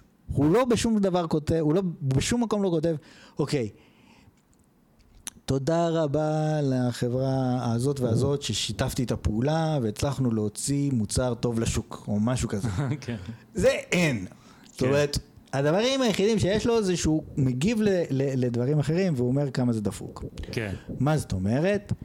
בקשר לחיסון קורונה הוא אומר אין עדות שזה מפחית הדבקה, רק תחלואה, לכן זה ייצור אה, עוד מוטציות, אף אחד לא יודע איך לעשות חיסונים. כן. עכשיו עוד פוסט מלפני שבעה חודשים, כן? שג'ונסון ג'ונסון עושים חיסונים על קופים. הוא אומר איך קהילת החיסונים לא מבינה שלא צריך לעשות ניסויים על קופים. זה לא מראה כלום ולא מוכיח כלום. כן. לפני שנה, הוא אומר, הוא כותב על איזשהו פוסט שמדבר על AD בחתולים או משהו כזה, הוא אומר, הכי טוב זה לחזק את המערכת החיסון האינט. אבל אל תגידו את זה לחברות הפארמה, זה לא טוב לעסקים. אוקיי. שאתה אומר, טוב, אם אתה יועץ לחברות פארמה, ואתה מלכלך עליהם בגלוי, למה שמישהו ייקח אותך? או אם אתה לא מאמין בזה, איך אתה עובד בזה? כן. מה קורה פה? עכשיו, לפני שנה הוא גם עונה לחבר של אחר שלו, כן? לפוסט של איזה מישהו שעשה לו endorsements, לא יודע מי, למה זה, מחברה בשם נוברטיס, שהוא טוען שהוא עבד בה, אני לא יודע, יכול להיות שכן, יכול להיות שלא. כן. שהחבר שלו מנוברטיס אומר שצריך לעשות סגר ו contact tracing, כאילו חקירות אפידמי- אפידמיולוגיות. מהמם. וחירט אומר, עזוב אותך, צריך את מודל ההיגיון הבריא. הכל חרטא אומר חירט, עזוב אותך. כן. בדיוק. עוד לפני שנה, בתגובה למשהו שקשור בחיסון של ג'ונסון אנד ג'ונסון, אז הוא כותב שאסור לחסן אנשים שהנגיף דוגר בהם, כי זה מסוכן. והיה ניסוי ב-2014 בחיסון לאבול, לאבולה, אבולה, סליחה, אבולה, סליחה, והחברה שעושה את החיסונים לא מוכנים למסור לו את הנתונים האמיתיים על הניסוי. אהה. לא, לא, לא, שוב, לא נכנסתי לעומק, זה הכל היה בזריז, אבל הוא כאילו די תוקף את אה, חברות הפארמה פה בצורה מאוד אה, בוטה. עכשיו, איזה מישהי אחרת, היא כתבה משהו על פרוביוטיקה, אני בעד פרוביוטיקה. כן. אני לוקחת כל יום ואני נהנית מזה מאוד. את צודקת מאוד. כל מה שיחזק את המערכת האינאית זה טוב. המחלה קורית רק באנשים שהמערכת האינאית שלהם לא מספיק חזקה. נו. טוב. אני חייב לשאול אותך משהו, מישהו שם לב לחירט הזה חוץ ממך? יש לו 5,000 פלוס עוקבים בטוויטר, והוא פתח את החשבון לפני שבוע. מה אתה אומר? אוקיי, אז היית צריך להתחיל להגיד בהתחלה. כן. הוא מתראיין, יש לו סרטונים ביוטיוב, הוא הפך למגה סטאר. וואו, אוקיי. כמה עוקבים יש לנו? הוא תוך שבוע הגיע ל-5,000. כן. וזה למרות שגם אנחנו אומרים שטויות. עכשיו, אני אגיד לך למה, כי לא קוראים לנו חירט. יכול להיות, הוא כתב תגובה לפוסט של ה-FDA נגד החיסון לאבונלה, אחרי זה חיסון נגד סרטן, זה לא יעבוד, אין שום סיכוי. מה זה חיסון- נגד סרטן? לא יודע, לא משנה, מה זה משנה, אני לא מבין בזה כלום, אבל הוא אומר זה לא יעבוד, זה מה שאני כן, יודע. אוקיי, אוקיי. לפני זה, כן, היה עוד איזה פוסט שמשהו במדע החיסוני מתקדם, אה, עוד תגובה של ידידנו, המדע מאחורי החיסונים עדיין חלש מאוד. כן. טוב, זה באשמתך, אתה obvious, אתה מדען כזה של חיסונים. פשוט לא מקשיבים לעצות. וגולת הכותרת לפני שנתיים, יש חיסון ל-TB, טוברקולוסיס, שחפת, חירט בתגובה, זה שטויות, זה רק יעשה מוטציות. עוד לפני הקורונה, חיסון לשחפת. כן, בוא, מתחיל, יש פה איזשהו pattern. כן. הוא מאוד אוהב את המערכת ה innate ית מאיזושהי סיבה, והוא ממש חושב שכל דבר אחר פשוט עושה מוטציות. טוב, אמ, יש כל מיני, הוא אמר אה, שהוא חבר בריגה Institute, לא יודע, לא מצאתי מה שום זה ריגה לזה. Institute? אני לא יודע אפילו, אבל חיפשתי ולא לא ולא מצאתי מצאת, שהוא אוקיי. קשור לזה. כן. אמ, בקיצור, טוב, אני בשלב מסוים לא, לא, לא יכולתי יותר, אני הפסקתי, אין לי, אין לי זמן להתעסק עם כל השטויות האלה, אבל, או כנראה יש לי זמן, כן. אבל לא ברור, האיש הזה, אה, פשוט הוא לא ברור, אני לא מצליח להבין, אני לא הצלחתי לפענח. לא, אני אפענח לך, אתה רוצה שאני אפ- אפתוח לך את התעלומה? כן. של שתי מילים. כן, אני לא יודע אם אנחנו נשדר אותם בפודקאסט, אבל זה יסביר לך הכל. כן. רילקס ספייס. או, אז גם אני חשבתי. נו, זה, על זה חשבתי. אה, יפה, אז זה ההסבר. אבל אני אגיד לך יכול מה להיות, קרה. זאת אומרת סביר להניח, כאילו התיאוריה, הס- רגע, ה- צריך לסבר את האוזן למאזינים. רגע, רגע, קודם לסבר את האוזן למאזינים, כי הם לא יודעים מה זה. אוקיי, זה עכשיו, אנחנו הולכים פה לצלול לחור, לא, אבל. חבל, כי אה, יש עוד דברים טובים בהמשך, אז אני לא יודע אם כדאי להיכנס לרילקס ספייס. לא כדאי? לא בטוח. אולי אחר כך. אולי אחר כך, אולי נספח. תקשיב. אוקיי, אוקיי, טוב. יאללה, מפרגן לך, תמשיך. אתה צודק, יכול להיות שהוא- היה חוקר מכובד והתחרפן בשלב מסוים. נו. והוא החליט, המערכת, צריך לעשות חיסון שיפעיל את המערכת האינאית, ופשוט נדפק לו המוח, והוא כל הזמן, מערכת האינאית, מערכת רגע, האינאית, ואז מערכת מה האינאית. קרה? ואז מה קרה? הדבר החשוב. הגיעה הקורונה לעולם, שזה חתיכת משבר משוגע, והבן אדם הזה, שהגורל שהאלוהים ייעד לו, כן? רוחות הגורל הרומיות הועידו את הבן אדם הזה לגורל מסוים. הוא היה אמור להיות בן אדם מוזר, שככל שהוא הולך ו- ומזדקן וקצת לו שערות לבנות, הוא רק נהיה יותר ויותר מחורפן, שמסתובב ואומר שהוא, שהוא כנראה, לא יודע, פעם ידע משהו, הוא כן, יש לו השכלה, הוא קצת כאילו... לא, הוא תותח, כן? הוא יודע הרבה. לא, אני לא יודע אם הוא כזה תותח, כי כשאתה מחפש בגוגל אתה רואה שהוא בעיקר מצטט את עצמו כזה, וכאילו זה לא נראה כזה רציני, אבל מה שאני אומר, אני לא יודע אם הוא כזה תותח, אבל כאילו הוא בן אדם פשוט משונה מאוד, קצת טורלל, והוא היה אמור להיות הזוי כזה, שהחברים בשכונה צוחקים כשהוא נכנס לבית קפה להתיישב בשולחן הקבוע שלו, אה, הנה חירט המטורלל, איך אנחנו אוהבים אותו. זה היה אמור להיות הגורל שלו, אבל אם הטבע 5,000 עוקבים. בחוכמתה האינסופית, הכתה את האנושות בווירוס הקורונה, וזה הפך הכל. זה הפך כל אחד למומחה בהכל, כן? לא. וזה הפך את מי שכבר היה קצת מומחה קודם כמו חירט, לאליל נוער, אה, אתה מבין. אתה כן. מבין, שהוא אומר, הוא אומר, ש... כאילו, יש את הווריאנט הברזילאי, אבל אין את הווריאנט הניו זילנדי, נכון? נו, אז לא יודע, שמו מסכות בניו זילנד ועשו סגר והכל כאילו... אז אני אגיד לך מה, אין וריאנט אני ניו בתור זילנדי. חירט, פעם שעברה הייתי טראמפ, עכשיו נותן לי להיות חירט. מישהו משקר פה, כי ברור שאם לא. אתה עושה את זה, אז מערכת האינט, אז יהיה מוטציות, אז יש את הניו זילנדי, רק אה, לא מפרסמים אותו. אני לא יודע מה הוא חושב, אני לא יודע מה הוא אומר. שים לב, זה, נקודה חשובה. יש פשוט, אה, איך הגעתי לזה? יש אה, פרופסור ישראלי שהוא מתנגד חיסונים, כן. חצי מתנגד חיסונים, הוא איזשהו כירורג, והוא פרסם את ה... הכירורג כבר הדלקת אותי הוא, עליו. הוא עשה ל- לפוסט הזה, והוא אומר, כן, תראו מה זה, בכיר, וירולוג בכיר, מפתח חיסונים, pro-vaxxer. מי, חירט? כן, הוא אומר, אוקיי. הוא לא, הרופא הישראלי אומר, תראו את חירט, הוא, הוא pro-vaxxer, אבל רק לחיסונים של הוא חירט. עשה בחוסר אחריות של ה-say. כן. כי אני עשיתי due diligence ובדקתי מי האיש לפני שאמרתי כן לא, כן, נכון? כן. הוא לא עשה, הוא ראה אותו, אמר, הוא בכיר. נעשה share, נדליק את הטוויטר, נזרוק את הגפרור בשדה הקוצים, וכן, ומוטציות, טה טה טה טה טה טה טה. עכשיו צריך לקרוא, אבל ברגע שאתה קורא, אתה מבין, הוא לא אומר... הוא גם הוא אומר, בניו זילנד אסור לחסן. הוא לא אומר, אוקיי, בניו זילנד אין לחץ על הנגיף, כי אין נגיף, אז תחסן שם. הוא, תגיע להדבקה אפס, ואז תחסן, ויהיה בסדר. לא. הוא אומר, אסור לחסן, נקודה. מה שקורה לך, אדוני, זו תופעה ידועה, אני אגיד לך את התופעה הזאת, כי אני נתקלתי בה. תקשיב טוב, מה שאני אומר, זה חשוב. אי אפשר לבן אדם שפוי להבין בן אדם משוגע. ואם אתה מנסה, אתה לא תצליח. לא, אני מסכים ואם איתך. תצליח, זה סימן שגם אתה משוגע. אבל המחשבה היא נו. שבני אדם הם לא רובוטים. זה אדם לא רובוטים. זה אתה צודק, אמנם אין רובוט שהחליט שהוא, אה, אתה יודע, מלכתחילה, אני אגיד לך, התחלת לספר את הסיפור, אני מקשיב פה ב... ב- או מהאוזניים ככה, עושה אוזני כאפרכסת, המשפט הראשון שאמרת הוא וטרינר, אמרתי מה קשור וטרינר, אבל בסדר, כבר נשמע לי משונה. לא, זה בסדר. יש וטרינר אחר, דרך אגב. מקנדה, שממשלת קנדה, אני לא שכחתי את השם שלו, ממשלת קנדה. אמרה, אתה תפתח לנו את החיסון לקורונה. אוקיי. והוא יצא על החיסון ש... כאילו, החיסון שיצא כבר, החיסון של פייזר, הוא יצא עליו בבומבות. אה, זה לא בדוק, לא זה, לא... נו. עכשיו אתה אומר, בואנה, יכול להיות שהוא צודק, מה אני מבין? ממשלת קנדה אמרה לו, בוא תפתח חיסון, כן. אז הוא בטח מבין במשהו, נכון? הוא תותח, הוא גם וטרינר. דרך אגב. אז מפה לשם אתה רואה שהוא כותב, בישראל, המראיין שואל אותו, מה זה? והוא אומר, הנה בישראל אמרו, החיסון, המנה הראשונה נותנת 52 אחוז אה, הגנה. אז בואו נחלק לכולם את ה... רק חיסון אחד, נחסוך חיסונים ככה. כן. אבל אה, אמיתי המלומד גר בישראל, בוא. ויודע שזה לא נכון, אז כאילו מה? מה זה זה לא נכון? אתה קיבלת שני חיסונים? גמרנו, לא חילקו רק חיסון אחד. אה, הוא אמר שזה מה שעשו? כן!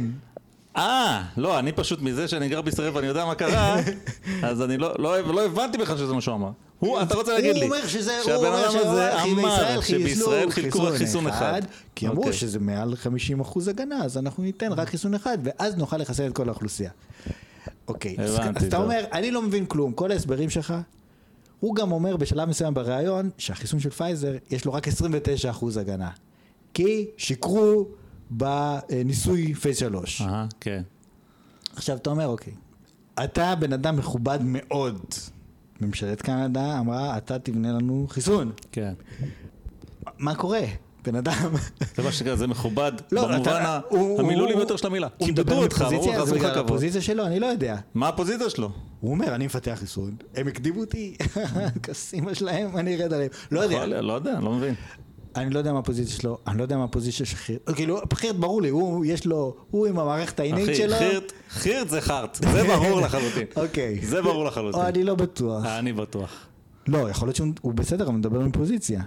לא, מה בסדר? זה בן אדם אוקיי. שחיפשת אותו בנרות, לא מצאת, זה בן אדם, זה בן אדם מטורלל, שהוא כבר שנים מטורלל, ואף אחד לא מקשיב לו, ופשוט בגלל משבר הקורונה התחילו להקשיב לו, אני אתן לך. דוגמה כאילו יש איזשהו רופא, כאילו וירולוג מפורסם, מדען, לא כן. רופא, מדען, שהוא רואיין בניו יורק טיימס, מישהו פרופסור מקללן או משהו כזה, והוא אומר שנראה לו, לפי להערכתו, לפי הניסויים שהוא עשה במעבדה, עם הסטודנטים שלו, יש לו סטודנטים, לא, חירטו, אין לו כן, סטודנטים, נו. אף פעם אין לו יש לו שותף. גם מעבדה, אתה גם מוצא אותו כשאתה מחפש אותו בגוגל, אז כן? זהו, אז זהו, אז, אז, כן, אז הוא אוקיי, אז אומר, מה אוקיי, שהווירוס הגיע לקצה, הוא לא יכול לעשות עוד מוטציות. טוב.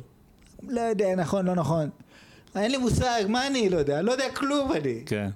אבל עשיתי חיפוש בגוגל, יש בוויקיפדיה הסבר עם לינק לאתר שלו, מי הסטודנטים שלו, כתוב, הוא ייעץ למודרנה בפיתוח של החיסון שלהם. אתה אומר, טוב, אני לא יודע אם הוא צודק או טועה, אני לא יודע זה, אבל לפחות זה בן אדם שאני מבין מה יש. חירט. חירט זה חרט, לא לא, אני אמרתי לך יודע- לא. יודע מה קרה לו. חירט זה חרט. רגע, אז אני אסביר על רילקס פייס או אני לא אסביר? אני... כי זה לא- לדעתי ההסבר. לא יודע, כי אנחנו מגיעים עכשיו לפאנץ', לשיא של אוקיי, תן לי הפאנץ'. את הפאנץ', יאללה. אז כמו שהזכרתי כמה פעמים בזה, במהלך הפודקאסט, כן. בני אדם הם לא רובוטים. ואם הממשלה תנסח הוראות על דף, האם ההוראות תתממשנה ככתבן וכלשונם? אני בספק. וזה מאוד, אה, מה זה בספק? תלוי, בסין כנראה כן, בישראל כנראה שלא. וקשה מאוד, בסין לא רק שהן תת- תתבצענה, הן גם תתבצענה על ידי אנשים שבכלל לא יודעים לקרוא. זה מה שיהיה בסין, כן? אולי זה ייקח קצת זמן, קצת שכנוע, מה שנקרא, אבל תראה, אתה מכיר את דיימון רניון משכנע, אתה יודע מה זה משכנע? משכנע. תקשיב, כן.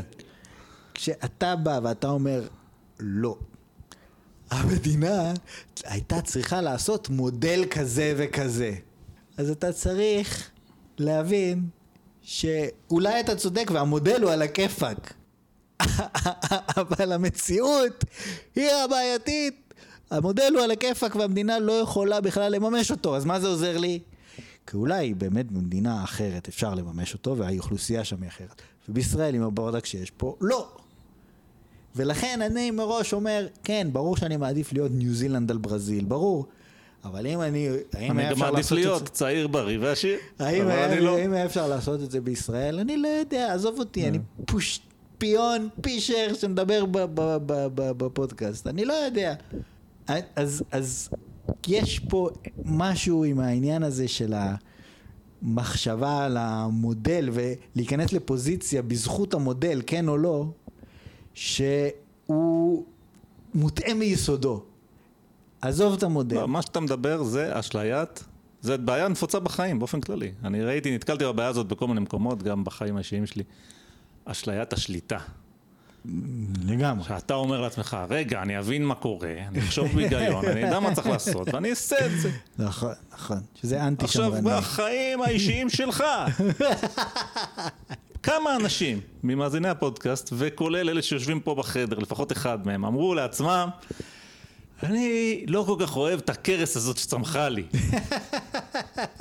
עכשיו, אני יודע מה לעשות. כן. הצלחתי בעבר לעשות את זה, כן? באמת, יש איזה דיאטה שאני אישית עשיתי, לא נדבר עליה כי אני כמו שמלה, אני בן אדם אחראי, אני לא אגיד להם לעשות, אבל אני אישית עשיתי איזה משהו, הטמדתי בו תקופה ארוכה, היו תוצאות, הרגשתי טוב, היה אחלה, אוקיי?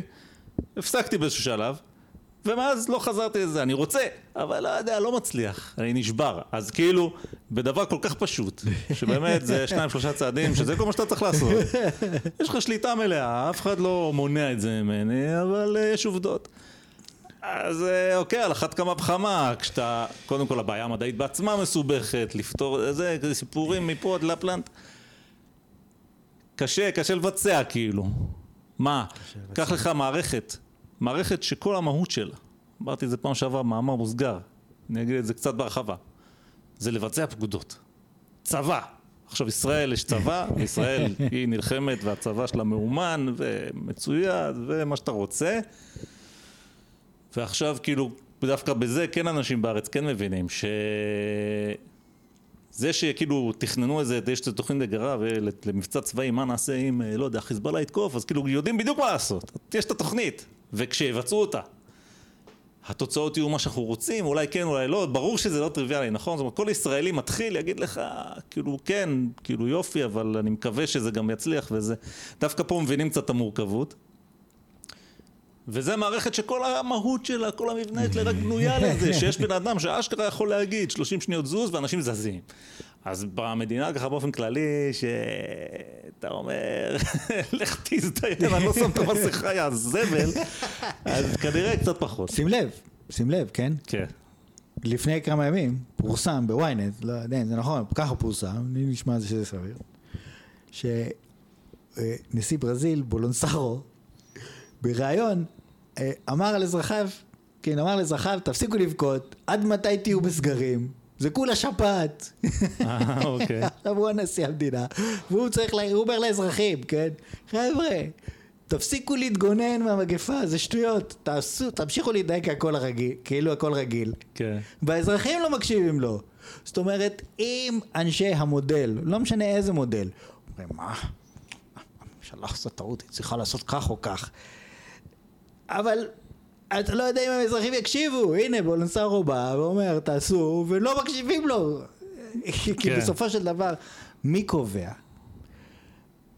מי קובע אה, מה יהיה ההת- ההתנהגות מול המגפה? מי קובע אם המגפה נוראית או לא? מי קובע, כאילו, זאת היד הנעלמה. מה זאת אומרת? אני אתן לך דוגמה. אוקיי. נניח אני, חבר שלי נכנס מאושפז, חלה בקורונה, מאושפז אה, חודש בבית חולים, אחרי זה, עוד חודש אחרי זה, מותש, עייף, קשה לו לתפקד. כן. וואלכ, אני אומר לעצמי, לא רוצה לחלות, לא, לא, לא יודע. אם אתה שואל אותי, צריך לעשות סגר בבית ספר, לא צריך לעשות סגר בבית ספר, צריך מודל שוודי, צריך מודל צ'רקסי, צריך מודל כורדיסטני, לא יודע. הדבר היחיד שאני יודע זה שאני לא רוצה לחלות. כן. ראיתי מה זה עושה, תמותה לא תמותה, עזוב אותי. כן. בסדר, אם זה היה תמותה אז על אחת כמה וכמה, כן? אבל לא רוצה לחלות בזה. יש לי אפשרות להימנע, אני אמנע. מה זה אומר? אני לא אלך למסעדות, לא אלך לסרטים, לא אלך להופעות, עד יעבור זעם, זעם. אמ, ואז מה קורה? אם זה רק אני, לא קורה כלום. האם עוד הרבה אנשים רואים חברים שלהם קורא לדברים כאלה? אם הרבה אנשים מפחדים לחלות, זהו. אז אנשים לא ילכו להופעות, לא ילכו למסעדות, וגם לא משנה מה הממשלה תגיד, כמו שראינו את בולונסרו צועק על כן. תושביו, אז יהיה סגר. נכון. זה בכלל לא משנה מה יגידו. היד הנעלמה פה היא זאת שקובעת מה חומרת המגפה. ולהגיד חזור והגוד זה רק שפעת, זה רק שפעת, זה רק שפעת, זה רק... ש- זה לא, זה חסר משמעות. כי מי שלא רוצה לחלות, לא רוצה לחלות. כן. תגיד רגע, מה שאתה רוצה. כן ולא, יש עוד אלמנט, למשל, אם תחשוב על מה שניו זילנד, אני פה מסתמך עליך, כן? כן. שיש, כאילו מה שאתה אומר, היד הנעלמה, אז בשביל זה צריך שיהיה קצת ניסיון. כן, שזה כמה אנשים יכלו ויעבור קצת זמן, ובעצם כן. האנשים יסתכלו מסביב ויחליטו מה הם חושבים על המצב. האם אה, הם נכנסים כן. לפאניקה או לא נכנסים לפאניקה. כן. אלא אם כן, אתה ניו זילנד, ושם יש סדר ותרבות, זה מה שאתה רוצה, והממשלה, סומכים עליה, והיא אומרת, תראו, זה לא טוב, אנחנו צריכים למנוע את האסון הזה, סגר, טה-טה-טה, מתנפלים על כל אחד שחולה, עושים אה, שרשרות הדבקה, כל מה שצריך. אז שם הם לא חיכו כאילו. לא, נכון, לא. אני מסכים, אני מסכים. זה אין שם זה יד שאלה. נעלמה אחרת, שאומרת מי לא. שווה ומי דפוק. לא, בסדר, נכון, אבל אני אוקיי. אומר, רק אני מדבר על המגפה עצמה. זאת אומרת, לבוא ולהגיד, המגפה הזאת זה כלום, זאת אומרת, מה יגידו האנשים שאומרים שהמגפה הזאת זה כלום? הם יגידו, תסתכלו, אין תמותה עודפת, יש תמותה עודפת, אה, המספרים הם כאלה ומספרים כאלה, ואל תדאגו, וזה הכל שטויות, ויביאו מספרים כדי להוכיח את טענתם. כן. אין להם שום חשיבות, כבר אני אומר לך. אני, לא משנה לי איזה מספר תביא לי, אם אני ראיתי מישהו שהיה בבית חולים, לא רוצה להיכנס לבית חולים, אני לא, אז מה השאלה? תראה, אומרת- אני, אני, אני בעצם איתך בערך באותה מנטליות. אני לא מכיר, אה, הכרתי מישהי אחת אישית שחלתה, לא ראיתי אותה מאז, כן, כי זה לא איזה מכרה מאוד קרובה. מה, חבר משותף יש לנו שהיה בבית חולים. אה, שמה, כן, כן, אבל אני לא ידעתי את זה רק לאחרונה. לא ידעתי שהוא חלה אז. אה, לא ידעת? לא, לא ידעתי שהוא חלה. עכשיו, מאז כבר הצטברו סיפורים, בגלל שהבת זוג שלי רופאה וזה, והיא כן מכירה אנשים שחולים, שעובדים איתה. אנשים שהיא מכירה אישית, והיא מספרת לי, ואני מאמין לה, שאנשים מותשים לחלוטין אחרי המחלה, כן, הלונג קוביד, מה שנקרא. כן. ועוד כמה דברים שהיא ראתה שקשורים לקורונה, למרות שהיא במקום ש... ספציפית שאין הרבה קורונה שם בבית חולים. וזה די מפחיד. עכשיו, מעבר לזה, אני אגיד לך גם עוד משהו. גם אם אה, היה קצת פחות נוראי מזה, אבל הייתי אומר, יש סיכוי כלשהו, כאילו לא מופרך לחלוטין, שאני אכנס לאשפוז של שבוע. אני ראיתי מה זה בית חולים. ואני לא רוצה להיכנס לבית חולים. אני מוכן ללכת לבית חולים רק אחרי שיוכיחו לי שאני מת, ואז אני מוכן ללכת לבית חולים. אז כאילו, גם פה אני באמת חושב, אה, אתה יודע, כל אחד בחיים מתישהו חווה את נחת זרועם של בתי החולים. אם אתה לפני שעברת את השלב הזה בחיים, היחס שלך הוא קצת אחר. אתה אומר, אני אלך לבית חולים ויצילו אותי, הכל יהיה בסדר. אתה לא יודע שאתה הולך לבית חולים וזה כאילו הגיהנום עלי אדמות המקום הזה, כן? עכשיו, זה, זה הולך ומסתבך, למה? כי דיברנו, כן. אנחנו, הצגות, סרטים, שטויות, בסדר, אז, אז, אז, אז הצגות וסרטים. אבל מה קורה עם בתי הספר? מה, מה קורה אם יש חייב להתפרנס ב... לא כמוך שאתה לא, בסדר, מתפרנס. חייב לצאת בדיוק. לא? אם אתה אומר, המדינה אומרת, בתי הספר חייבים להישאר פתוחים. יש לי חבר, גר בלונדון, בתחילת המגפה, קיבל כן. מכתב הביתה. אתה שולח את הילד לבית ספר, אין דבר כזה להשאיר את הילד בבית. כן. אתה לא הולך לפחד מהמחלה, חייבים. כדי להדביק את כל הצעירים, זה המודל השוודי. כן, כן. יפה. מה קורה עם המורים? זאת אומרת, אם יש מורה מבוגר, מעל גיל 50, 55, אתה אומר לו, תהיה עם כל הזעתותים האלה. מה, אתה לא רוצה לחלות, נכון? אוקיי. אז אתה אומר, רגע, רגע, למה אתם שמים אותי פה בחזית? אני לא רוצה. עכשיו, במדינות שיש, אה, שהמבנה הוא קצת אחר, אז הוא אומר לו, טוב, תודה רבה, ביי, נביא מורה אחר. נגיד, בישראל עם ארגון המורים, מהמם. אה, באים המורים, אם יש קבוצה מספיק גדולה ומספיק מקושרת לרן ארז או whatever, אומרים לו, תשמע, אנחנו לא מוכנים. ואז בא רן ארז, הוא, כל הכוח הפוליטי שלו בא מהתומכים שלו, ואם התומכים שלו אמרו לו להשבית את בית הספר, אז הוא משבית את בית הספר. כן. תביא אלף מודלים, זה לא משנה. המורים מפחדים להידבק, והמבנה הפוליטי מאפשר את זה, נגמר הסיפור. אז כאילו, אתה יכול לצעוק עד השמיים, זה לא יעזור לך. הציבור מחליט מה חומרת המגפה. עכשיו, אני אגיד לך יותר מזה. נו. המגפה זה קשקוש, זה לא חמור בכלל. איך אני יודע? תשאל נו. אותי. אני אגיד לך. אני, על פצצת האטום, פצצת האטום על הירושימה ונגסקי, נגסקי, שמעת? כן, היו אפילו שתי פצצות. כן. כן, כן, שתי הפצצות. יפן זמן קצר אחרי זה הפכה למעצמה כלכלית. נכון? היה כזה נורא, הפצצות האטום האלה? אה, בקטנה. תכלס לא. אה. מלחמת העולם הראשונה, גרמניה הופסה תמוסה מוחצת. יצאו משם בהסכמים משפילים, מהמם. נכון?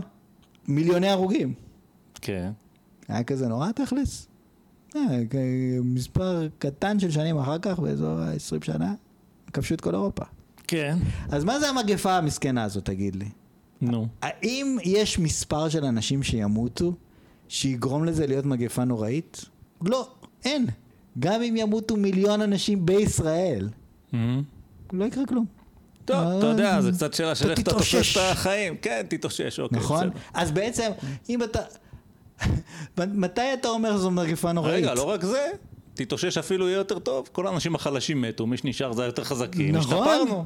נכון, כן. יכול להיות. מתי אתה אומר שזאת מגפה נוראית? כשאתה בא ואתה אומר, בדקתי ועשיתי חישוב וראיתי שעדיף מבחינת התמותה העודפת והאחוזים והמספרים וטה להיות שוודיה מאשר להיות טורקמניסטן או להיות ניו זילנד מאשר להיות פתח תקווה, לא יודע. נו, עשית את החישוב שלך ואתה אומר הנה זה יותר טוב מזה. נו. אבל אתה אומר לעצמך, מבחינת, כאילו איך אתה עושה את החישוב הזה? טוב, בסדר. איך, מה? אוקיי, לא אוקיי, משנה, אוקיי. אמרת כמה מתים, אבל אם אף אחד לא מת וכולם איבדו יד, זאת אומרת, בעצם, א- איך אתה מודד מה הערך של יד? איך אתה מודד את הערך של בן אדם שהוא מותש חודש? איך אתה מודד ערך של אם מתו שמונת אלפים איש או מתו שמונים אלף איש?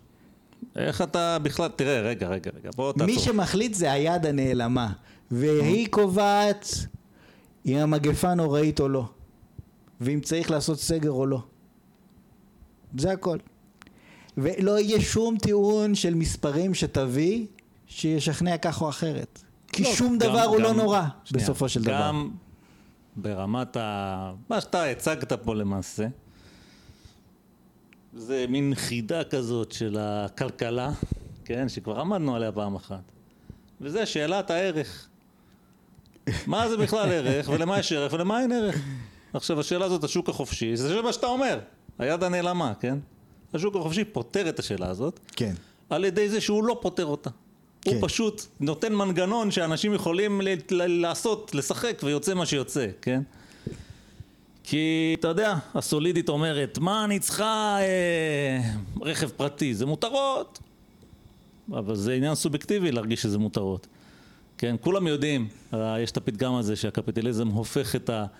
אה, נו, luxury to necessity. מכיר את הסיסמה הזאת?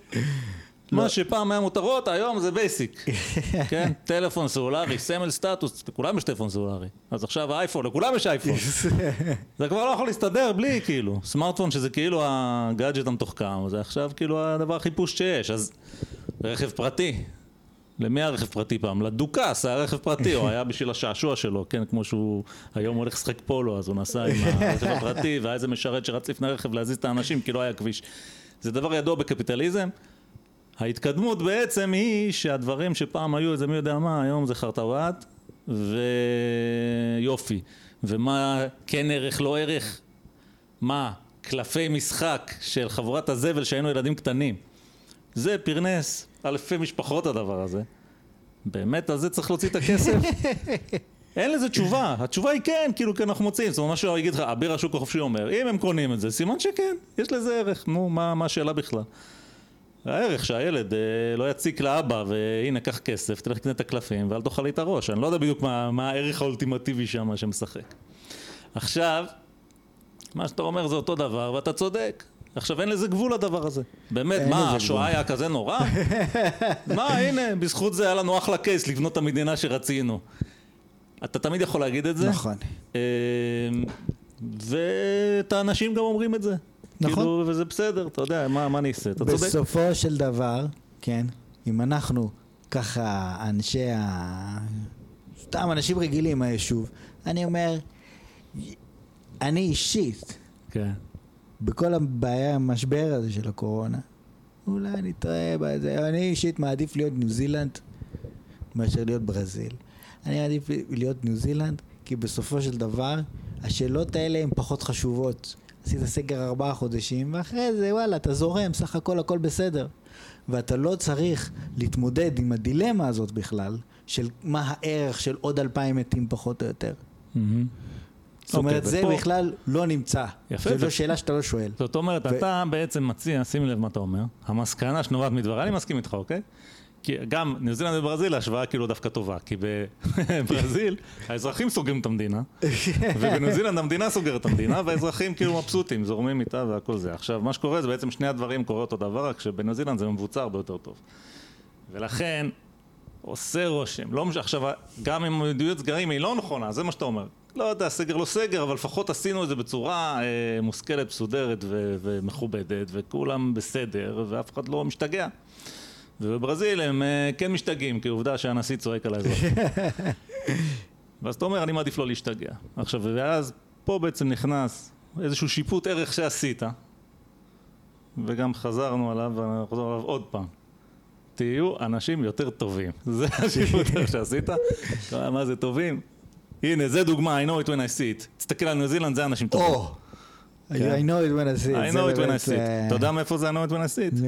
או, זה סיפור מעניין. יש באמריקה חוק כן. שאומר אסור להפיץ בדואר אובסניטי. אוקיי, הדואר, אתה יודע שהדואר זה אחריות של הממשל הפדרלי, הדואר. כן, זה אחד מהדברים שבחוקה הוא מתחייב לעשות או משהו וואלה. כזה. כן, כן, כן. אוקיי. כי לשמור על קשר במדינה הגדולה הזאת צריך שיהיה דואר, וזה אחריות של הממשלה. עכשיו, ה... ויש לזה אז כאילו תקנות, אסור להפיץ בדואר אובסניטי. מה זה אובסניטי? שאלה טובה מאוד. עכשיו איזה מישהו, אתה יודע, כל פעם שממציאים איזה טכנולוגיה חדשה, הדבר הראשון שעושים זה תמונות של בחורות ערומות. אוקיי. אז פעם זה היה קלפים כאלה שאנשים היו, אני יודע, ב-1900 מישהו היה תמורת כמה סנטים שולח אה, כאלה תמונות למנויים שלו בדואר. אז זה אובסניטי, נכון? לא טוב, אז סגרו לו לא סגרו לו, ואז אתה יודע, זה באמריקה, זה מגיע לבית משפט. ובית המשפט נדרש לשאלה, מה זה נקרא אובסניטי? או היום היינו מנסחים את זה אחרת, מה זה פורנוגרפיה? אתה אומר, אסור להפיץ פורנוגרפיה בדואר, זה לא... זה נגד החוק. הוא אומר לו, טוב, אבל מה, אתה תגיד לי, אז אני אומר, זה לא פורנוגרפיה, זה אומנות, כן, מכירים את השטויות האלה. בסוף, לא זוכר כבר מה היה פסק הדין, גזר הדין, וגם השאלה הזאת, ה- יש הרבה מקרים. המשפט הזה חזר על עצמו עוד פעם ועוד פעם בהיסטוריה של ארה"ב, אבל יש ציטוט מפורסם. אני לא יודע, של השופט, שלא זוכר אפילו מה, היה, מה הוא הכריע בזה. הוא אמר, אני לא יודע להגדיר לך פורנוגרפיה, but I know it when I see it, כן? וככה הוא החליט. עכשיו, זה משפט שהוא באמת, אין לך איך להכריע בשאלות כאלה מפגרות. אז you know it when you see it, אז אני גם מסתכל על ניו זילנד, מה זה מדינה טובה? הנה, זה מדינה טובה. דרך אגב, כן, לא צריך אפלטון לא, ולכתוב, לפתוח ספרים ולקרוא. בישראל, כן, בישראל, אנחנו מכירים את הדברים האלה כל הזמן, זה לא חדש, הקורונה זה, זה, זה לא העלה את השאלה הזאת פעם ראשונה. לא, ודאי שלא. אם אנחנו מסתכלים למשל על הסיפור של אה, לבנון, בכוונה אני לא מתייחס לשטחים, לבנון, שעד היום יש לך את תת-אלוף אפי, תת-אלוף במיל' אפי איתם, והוא טוען שהיציאה בלבנון הייתה טעות. מהמם. הוא אומר, עזוב, חוץ מאסון המסוקים, בגדול, איבדת, לא יודע, עשרה חיילים בשנה. לא יודע כמה, עשרים חיילים בשנה. כן. אבל אתה ניצחת, והחיזבאללה הוא היה ארגון קטן. מהמם. עכשיו, כאילו יצאת מלבנון, חסכת 20 חיילים בשנה נגיד. אבל עכשיו יש לך טילים מדויקים ובלאגן שלם, חיזבאללה זה ארגון רב עוצמה. אוקיי. כאילו ביציאה מ- מלבנון אתה אפשרת לו להתעצם ככה. הוא אומר, זה היה מעשה שגוי, זה היה טירוף. מהמם. אבל האנשים, האזרחים, היד הנעלמה, האימהות לא היו מוכנות יותר לשלוח את הילדים לשם, נכון? לא רצו, האימהות אמרו די, לא, לא רוצו את הילדים בלבנון. עזוב אותי מהתעצמות, עזוב אותי מסיפורים. בעוד עשר שנים יהרגו יותר חיילים, עד אז הילד שלי כבר לא יהיה בצבא, וזהו. אז, כן. אז אה, אנשים כאילו, אתה יודע, אז מי קבע? אז אתה יכול לשבת במשרד, משרד ראש הממשלה, ולעשות דיון, ולהחליט מה הדבר האסטרטגי הטוב ביותר למדינה. תחליט עד מחר, בסוף יש מציאות. והמציאות היא שאנשים לא בא להם יותר, לא בא להם בטוב, לא רוצים את זה, נגמר. כן. ולכן זה י- יוצאו משם והמצב עכשיו הוא משהו ו whatever נסתדר אם נפתור את הבעיה כשנגיע אליה אז זה, זה דבר מאוד מאוד דומה זאת אומרת אנשים יש ילדים ששנה לא היו בבית ספר ועם כל המשתמע מכך והבעיות הפסיכולוגיות וכל הדברים האלה ומצד שני אנשים מתים ואתה אומר לעצמך כן סגר לא סגר איך אתה, איך פותר את כל הפלונטר עם כל הפרמטרים האלה? אתה רוצה שראש הממשלה ישב במוחו הקודח יהיה לו את כל השילובים האפשריים ואיך עושים את הדבר הזה. הוא לא רק שהוא לא יכול למצוא את הפתרון האופטימלי, גם אין פתרון אופטימלי. ויש לא, אנשים שמבחינתם כבר 20, קבענו 20 ש- חיילים מתים בשנה זה בסדר, ויש אנשים שמבחינתם זה אסון נוראי, ואין לך איך להכריע בשאלה הזאת מה טוב ומה לא טוב. כן. טוב, זה כמו שאתה אומר, האם אה, מלחמת העולם הראשונה זה היה איזה אסון נוראי או לא? זה שאלה, זה נורא כן. נחמד. אה, לא אסון תהיות מהסוג נוראי. מה הסיפור? כולם מתו כאילו אנשים, אבל המדינה השתוששה. אז בואו נחזור רגע לאדון חירט. חירט שהוא חרט. הכיר המערכת. יקיר המערכת חירט ונדנבוש, אמרת קוראים לו? בסדר. אז למה אמרתי relax space? זה משהו שג'ריידי מבין, אבל אה, ככה סתם המאזין האקראי של האדם האקראי לא כל כך מבין. אז מסתבר שיש דבר כזה, יש איזו תופעה כזאת, אני לא פסיכיאטר, כן, אבל ראינו את זה מקרוב פעם אחת בחיים ונתקלנו בזה, לא זוכר עכשיו בדיוק, אבל אתה נתקל בזה מדי פעם. בעצם באנגלית יש לזה מילה, זה נקרא קוואק. עכשיו, בן אדם שהוא קוואק, מה זה קוואק? מה הסיפור שאנחנו אישית ראינו? זה בן אדם שהוא היה מורה בתיכון, והוא היה מורה למדעים, מה שנקרא, וככה, הוא היה מורה נורא נחמד, תלמידים מאוד אהבו אותו. ואחד מהתלמידים האלה גם עבד איתו על איזה שהם מחקרים מדעיים ב... אחרי התיכון, שכבר היה ילד גדול. ומסתבר ככה לאט לאט בשיחות סלון, האיש הנחמד הזה ככה הגיע לשיחות סלון,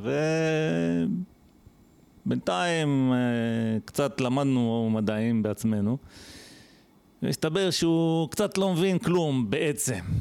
זאת אומרת, אה, הוא מסוגל ללמד בבית ספר והכל טוב, אבל אה, כשזה מגיע באמת להבין את המדע יותר לעומק, אין לו חצי מושג. איך אני יכול לתאר את זה בלי להיכנס לכל מיני פרטים מיותרים? וואלה, לא יודע. זה קצת, בואו ניקח את הדוגמה של אדון חירט. מה בעצם חירט? איך אני מפרש את חירט לאור מה שסיפרת לי עליו? אדון חירט, נכנס לו ג'וק לראש. הוא קרא על מערכת החיסון, או שהוא למד, או שהוא פעם היה איש מקצוע, לא יודע מה הסיפור שלו בדיוק. אתה אמרת לי כל מיני קרדנשלס, אבל מחיפושים נראה שהוא לא רציני, אז אני לא בדיוק בטוח למה אני מאמין. בכל מקרה, ברור שהוא יודע את המילה הזאת innate. מילה שגם אתה מכיר וגם אני מכיר. מי שלמד במערכת החיסון, יודע שהיא מורכבת לא, הוא מכיר. הוא מכיר אותה, לא, הוא מכיר עוד הוא דברים. מכיר עוד הרבה דברים, אני יודע, כן. אני מבין, אני מבין. מה שניסיתי להגיד. הוא יודע, בהחלט מכיר את התחום, יכול לדבר עליו. נכנס לו איזה ג'וק לראש, שה-innate זה התשובה לכל השאלות, ומה שעושים עם המערכת האדפטיבית זה לא בסדר, וזה יעשה מוטציות וזה, והוא אומר את זה כבר שנים, ועכשיו הקורונה פשוט, אוקיי. והוא פשוט מתחפר בעמדה הזאת עוד ועוד. עכשיו, obviously הוא... לא יודע, למרות קורות חייו המרשימים, כנראה שהוא, לא יודע, מתגלגל ממקום למקום כזה. ואמרתי, מה שקורה עם בן אדם כזה באופן טבעי, זה שהוא, כשהוא עוד צעיר וקצת כריזמטי, איכשהו מוצא איזה שניים שלושה אנשים שאולי קצת מקשיבים לו, ו... אבל אף אחד רציני לא מתעסק איתו, כי אוב... כאילו הוא לא, הוא, לא, הוא לא בדיוק אפוי. וזהו, אני ראיתי את זה בזמנו כשהייתי פיזיקאי. מדי פעם היית נתקל באנשים עם תיאוריות. מגיעים, אתה יודע, שאם אתה פרופסור באוניברסיטה, מגיעות אליך תיאוריות. מכתבים בדואר. אנשים, אתה יודע, שיש להם תיאוריות, והם רוצים כאילו... רוצים להראות את התיאוריות שלהם לעולם, אז הם כותבים לממסד המדעי. ומגיעים דברים שאובייסלי הבן אדם הוא לא, לא, הוא לא, כאילו, הוא לא רמאי, הוא פשוט בן אדם קצת לא, לא בסדר. הוא אוהב את הפיזיקה, הוא קרא על פיזיקה, הוא אפילו יודע משהו על פיזיקה, אבל הוא כאילו פתאום חושב שהוא גילה את אמריקה, יש לו איזה תיאוריה אחרת, הוא לקח איזה נוסחה, העביר את המודל למחנה, והוא בטוח שהוא... זה בעצם התשובה, למה? כי כל מיני טיעונים הזויים. אמרתי, אם אתה מנסה להבין בן אדם משוגע, אתה... אין טעם בזה. ואז אנחנו הכרנו את הבחור הזה שסיפרתי עליו קודם, שהכרנו אותו מהתיכון, הייתה לו איזה תיאוריה בפיזיקה, זה באמת לא חשוב, לא ניכנס לפרטים, משהו מופרך לחלוטין, שהוא קרא לו relax space, בגלל זה אנחנו, אמרתי לו relax space, והוא הבין למה אני מתכוון. ויש את הדברים שהייתי באוניברסיטה והיינו מקבלים מדי פעם מכתבים מביכים כאלה, של אנשים שרוצים אה, להיכנס לעולם המדעי בצורה כזאת, וברור לך שזה אדם תימהוני שיושב באיזה מרתף וככה הוא יסיים את חייו, אבל וזה, לדעתי, זה אדון חירט, הוא בדיוק בן אדם כזה, רק מה קרה? הגיעה הקורונה. ובגלל הקורונה, כל דעתו של העולם השתבשה עליו, וכאילו אנשים אה, מוכנים לשמוע הכל. כי יש להם פוזיציות, כמו שאמרת. אז אם אני מהמתנגדי חיסונים, חירט לא מתנגד חיסונים. הוא רק חושב שיש לו רעיון לחיסונים יותר טובים. אבל ישר יקפצו עליו. כן, כי זה לא טוב, והנה הוא אמר, והנה זה, והנה פה, והנה שם, והוא כן אה, יודע סוג של למכור את עצמו מספיק בשביל כנראה להיכנס לכנסים או משהו. ו... וזה בעצם מה שקורה פה, אז כאילו הקורונה אמרנו הפכה פרופסורים לכוכבי רוק והפכה תימהונים גם לכוכבי רוק ובעצם אתה כבר לא יכול להבדיל מי הפרופסור הרציני ומי הקוואק וזה מה שהופך את העולם למקום שקצת קשה להסתדר בו עכשיו ב... בעסק הזה של הקורונה. טוב, אנחנו שלוש שעות לתוך ההקלטה ואני אישית כבר גמור יש פה עוד חומר לעוד שנתיים. אני לא יודע אם באמת נעשה את הכל. נעשה בטח עוד תוכנית אחת על הקורונה לפחות. כן, יאללה. לא יודע אם נמשיך אה, עד אינסוף, כי זה פשוט לא ייגמר בחיים הדבר הזה. אה, טוב, אז אה, תודה רבה שהייתם איתנו. מי שהחזיק מעמד. כן. וזהו, ומי שמחפש לזרוק איזה גפרור לשדה קוצים, אז שיהיה בריא. לעצור אותו אנחנו כבר לא נצליח לעצור.